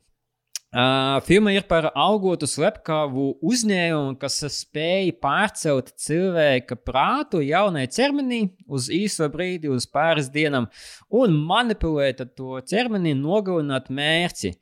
Un mēs savukārt sekojam līdzi Tasijai Vosai, kuru spēlēja Andrija Risboro, un viņa saņem jaunu misiju, jaunu ķermeni, Kovinu, uh, lai nogalinātu. Pause for dramatic effect. Šonu Bīnu. Un man jau liekas, ka tev nevajag īpaši neko darīt. Tev vienkārši ļauj Šonam Bīnam dzīvot, un viņš laiku gaitā viņš kaut kā nomirs. Savu mission accomplished, un nav arī baigais spoileris. Bet, eh, bet problēma gan tāda, ka eh, Kauna prāts, eh, tad Kauna ķermenī, un to savukārt atveidot Kristofers Abots, kuru mēs varbūt labāk pazīstam kā Čaroju no seriāla Girls, ka Kauna prāts sāk cīnīties pretī tajā ķermenī. Līdz ar to veidojas arī diezgan labs psiholoģisks trilleris. Un man ļoti patīk tā uzbūvēta sci-fi pasaule. Skaidrs, ka viņam nebija baigi liels budžets, bet viņi paspēja arī ar kaut kādam uh, detaļām, kā terminoloģija, vai arī tas tehniskais aprīkojums, kas drusku ir tāds low-fi, jeb nav baigi digitalizēts, bet tu visu redzi tādu analogas ierīces, kas spēj pārcelt to ķermeni, kā starp caur tiem elementiem viņi uzbūvē tieši tādu plašāku šo pasauli, kuru varbūt mēs uh, neredzam, bet uh, pieļaujam, uh, cik ļoti plaša pasaule ir aiz tā. Uh, man patīk, ka, ka tur ir arī sižeta līnija par uh, privātumu, jo Šons Bins ir tāds negluži varbūt sociāls tīkla, bet kaut kāda tāda uh, tehnoloģijas uzņēmuma CEO uh, un kā viņi tad izmanto uh, datus vai arī kā viņi vāc datus. Uh, laužot savukārt mūsu privātuma līgumu, kas ļoti labi paralēli sasaistās ar pašu galveno sižeta līniju, jo arī tur skaidrs jau, ka tas ja valsa diezgan, diezgan lielā mērā lauž privātuma, iemesojot sevi citā ķermenī. Un, jā, Kivu ainas uh, nogalināšanas ir ļoti iespaidīgas, ļoti vardarbīgas. Es neteiktu, ka viņu tā kā baigi asiņaina, bet To saku es. Uh, un es pieļauju, ka dažiem varbūt tas būtu pat traku. Uh, un tāpēc, ja jūs triggero varbūt kaut kādas uh, ļoti asiņainas ainas, tad uh, es neesmu pārliecināts, ka šī filma būs priekš jums. Uh, savukārt, ja jums uh, tās ainas, uh, vai arī jūs izturaties pret viņiem mierīgi, pirmkārt, uh, seek help. Uh, un otrkārt, uh, meklējiet uh, uncut versiju šai filmai. Viņa iznāca uz burē. Um, un un uh, uncut versija atšķiras ar dažām sekundēm vai, vai dažām minūtēm, kas ir papildināts klāt, bet no otras puses, ja jau tu parasti skatīties šo vardarbīgu filmu, tad skaties arī līdz beigām. Tur dažas ainas izgrieztas, tā kā for reasons unknown. Uh, nu, tur arī mēs, mēs, varbūt tas ir atsevišķs topiks kādam citam podkāstam, kur mēs izrunāsim MPAA organizācijas schēmu, kā viņi liek reitingu, jo kā mēs atceramies, teiksim, The Dark Knight ar Vēdarbību bija ok, lai ieliktu uh, tai PG-13 reitingu, bet zinām, ka, teiksim, ja filma ir uh, nu, pateikts divreiz fakt, tad uh, skaidrs, ka šī, šai filmai jābūt R-rated. Nu, tad arī šeit sanāk, ka ar vēdarbību viss bija ok, lai filmai iedotu uh, R-rated, bet ar uh, paceltu penisu bija gana, gana skandalozi vai provokatīvi, lai to nepieļautu. Tāpēc eh, veidotājiem nācās pāris ainas ar to pinisu izgriezt. Kaut arī atstājot visu pārējo asiņaino slāktiņu. Uh, bet noteikti, jā, uh, svaigs koncepts, kas uh, līdz ar to arī veido svaigu stāstu. Bija baigi interesanti skatīties, uh, kā šī stilizēta filma um, veido, veido kaut kādu sižetu līniju, kuru tu īsti varbūt nevari paredzēt, kur viņa tālāk aizies. Tāpēc es ieteiktu gan sci-fi filmu faniem, gan arī, obviously, body horror filmu faniem. Nu, laikam tas arī būtu viss no mūsu puses šonadēļ. Tāpēc noteikti gaidīsim jūsu ieteikumus body horroram vai jūsu, drīzāk mūsu aizmirstos, jūsu mīļākos ārstus uz hello at kinokuls.cl vai citur mūsu sociālos. Būsim ļoti pateicīgi, ja atbalstīsiet šo podkāstu mūsu Patreon lapā vai arī pastāstīsiet pastāstīsiet par šo podkāstu saviem draugiem, vai arī ieliksiet, teiksim, zvaigznes reitingu Apple podkāsts. Uh, viss tas palīdz, uh, lai celtu podkāstam atpazīstamību. Par to arī paldies tiem, kas to jau dara. Un uh, šī podkāsta režisora versiju jūs dzirdēsiet pateicoties Tomam Cēlinam, un mēs, kā jau regulāri darām, dosim viņam tikai vienu vārdu. Tom izvēlas kārtīgi. Eagle! Eagle! Uh, un no Kinokota komandas uh, paldies jums par uzmanību un līdz nākamajai reizei!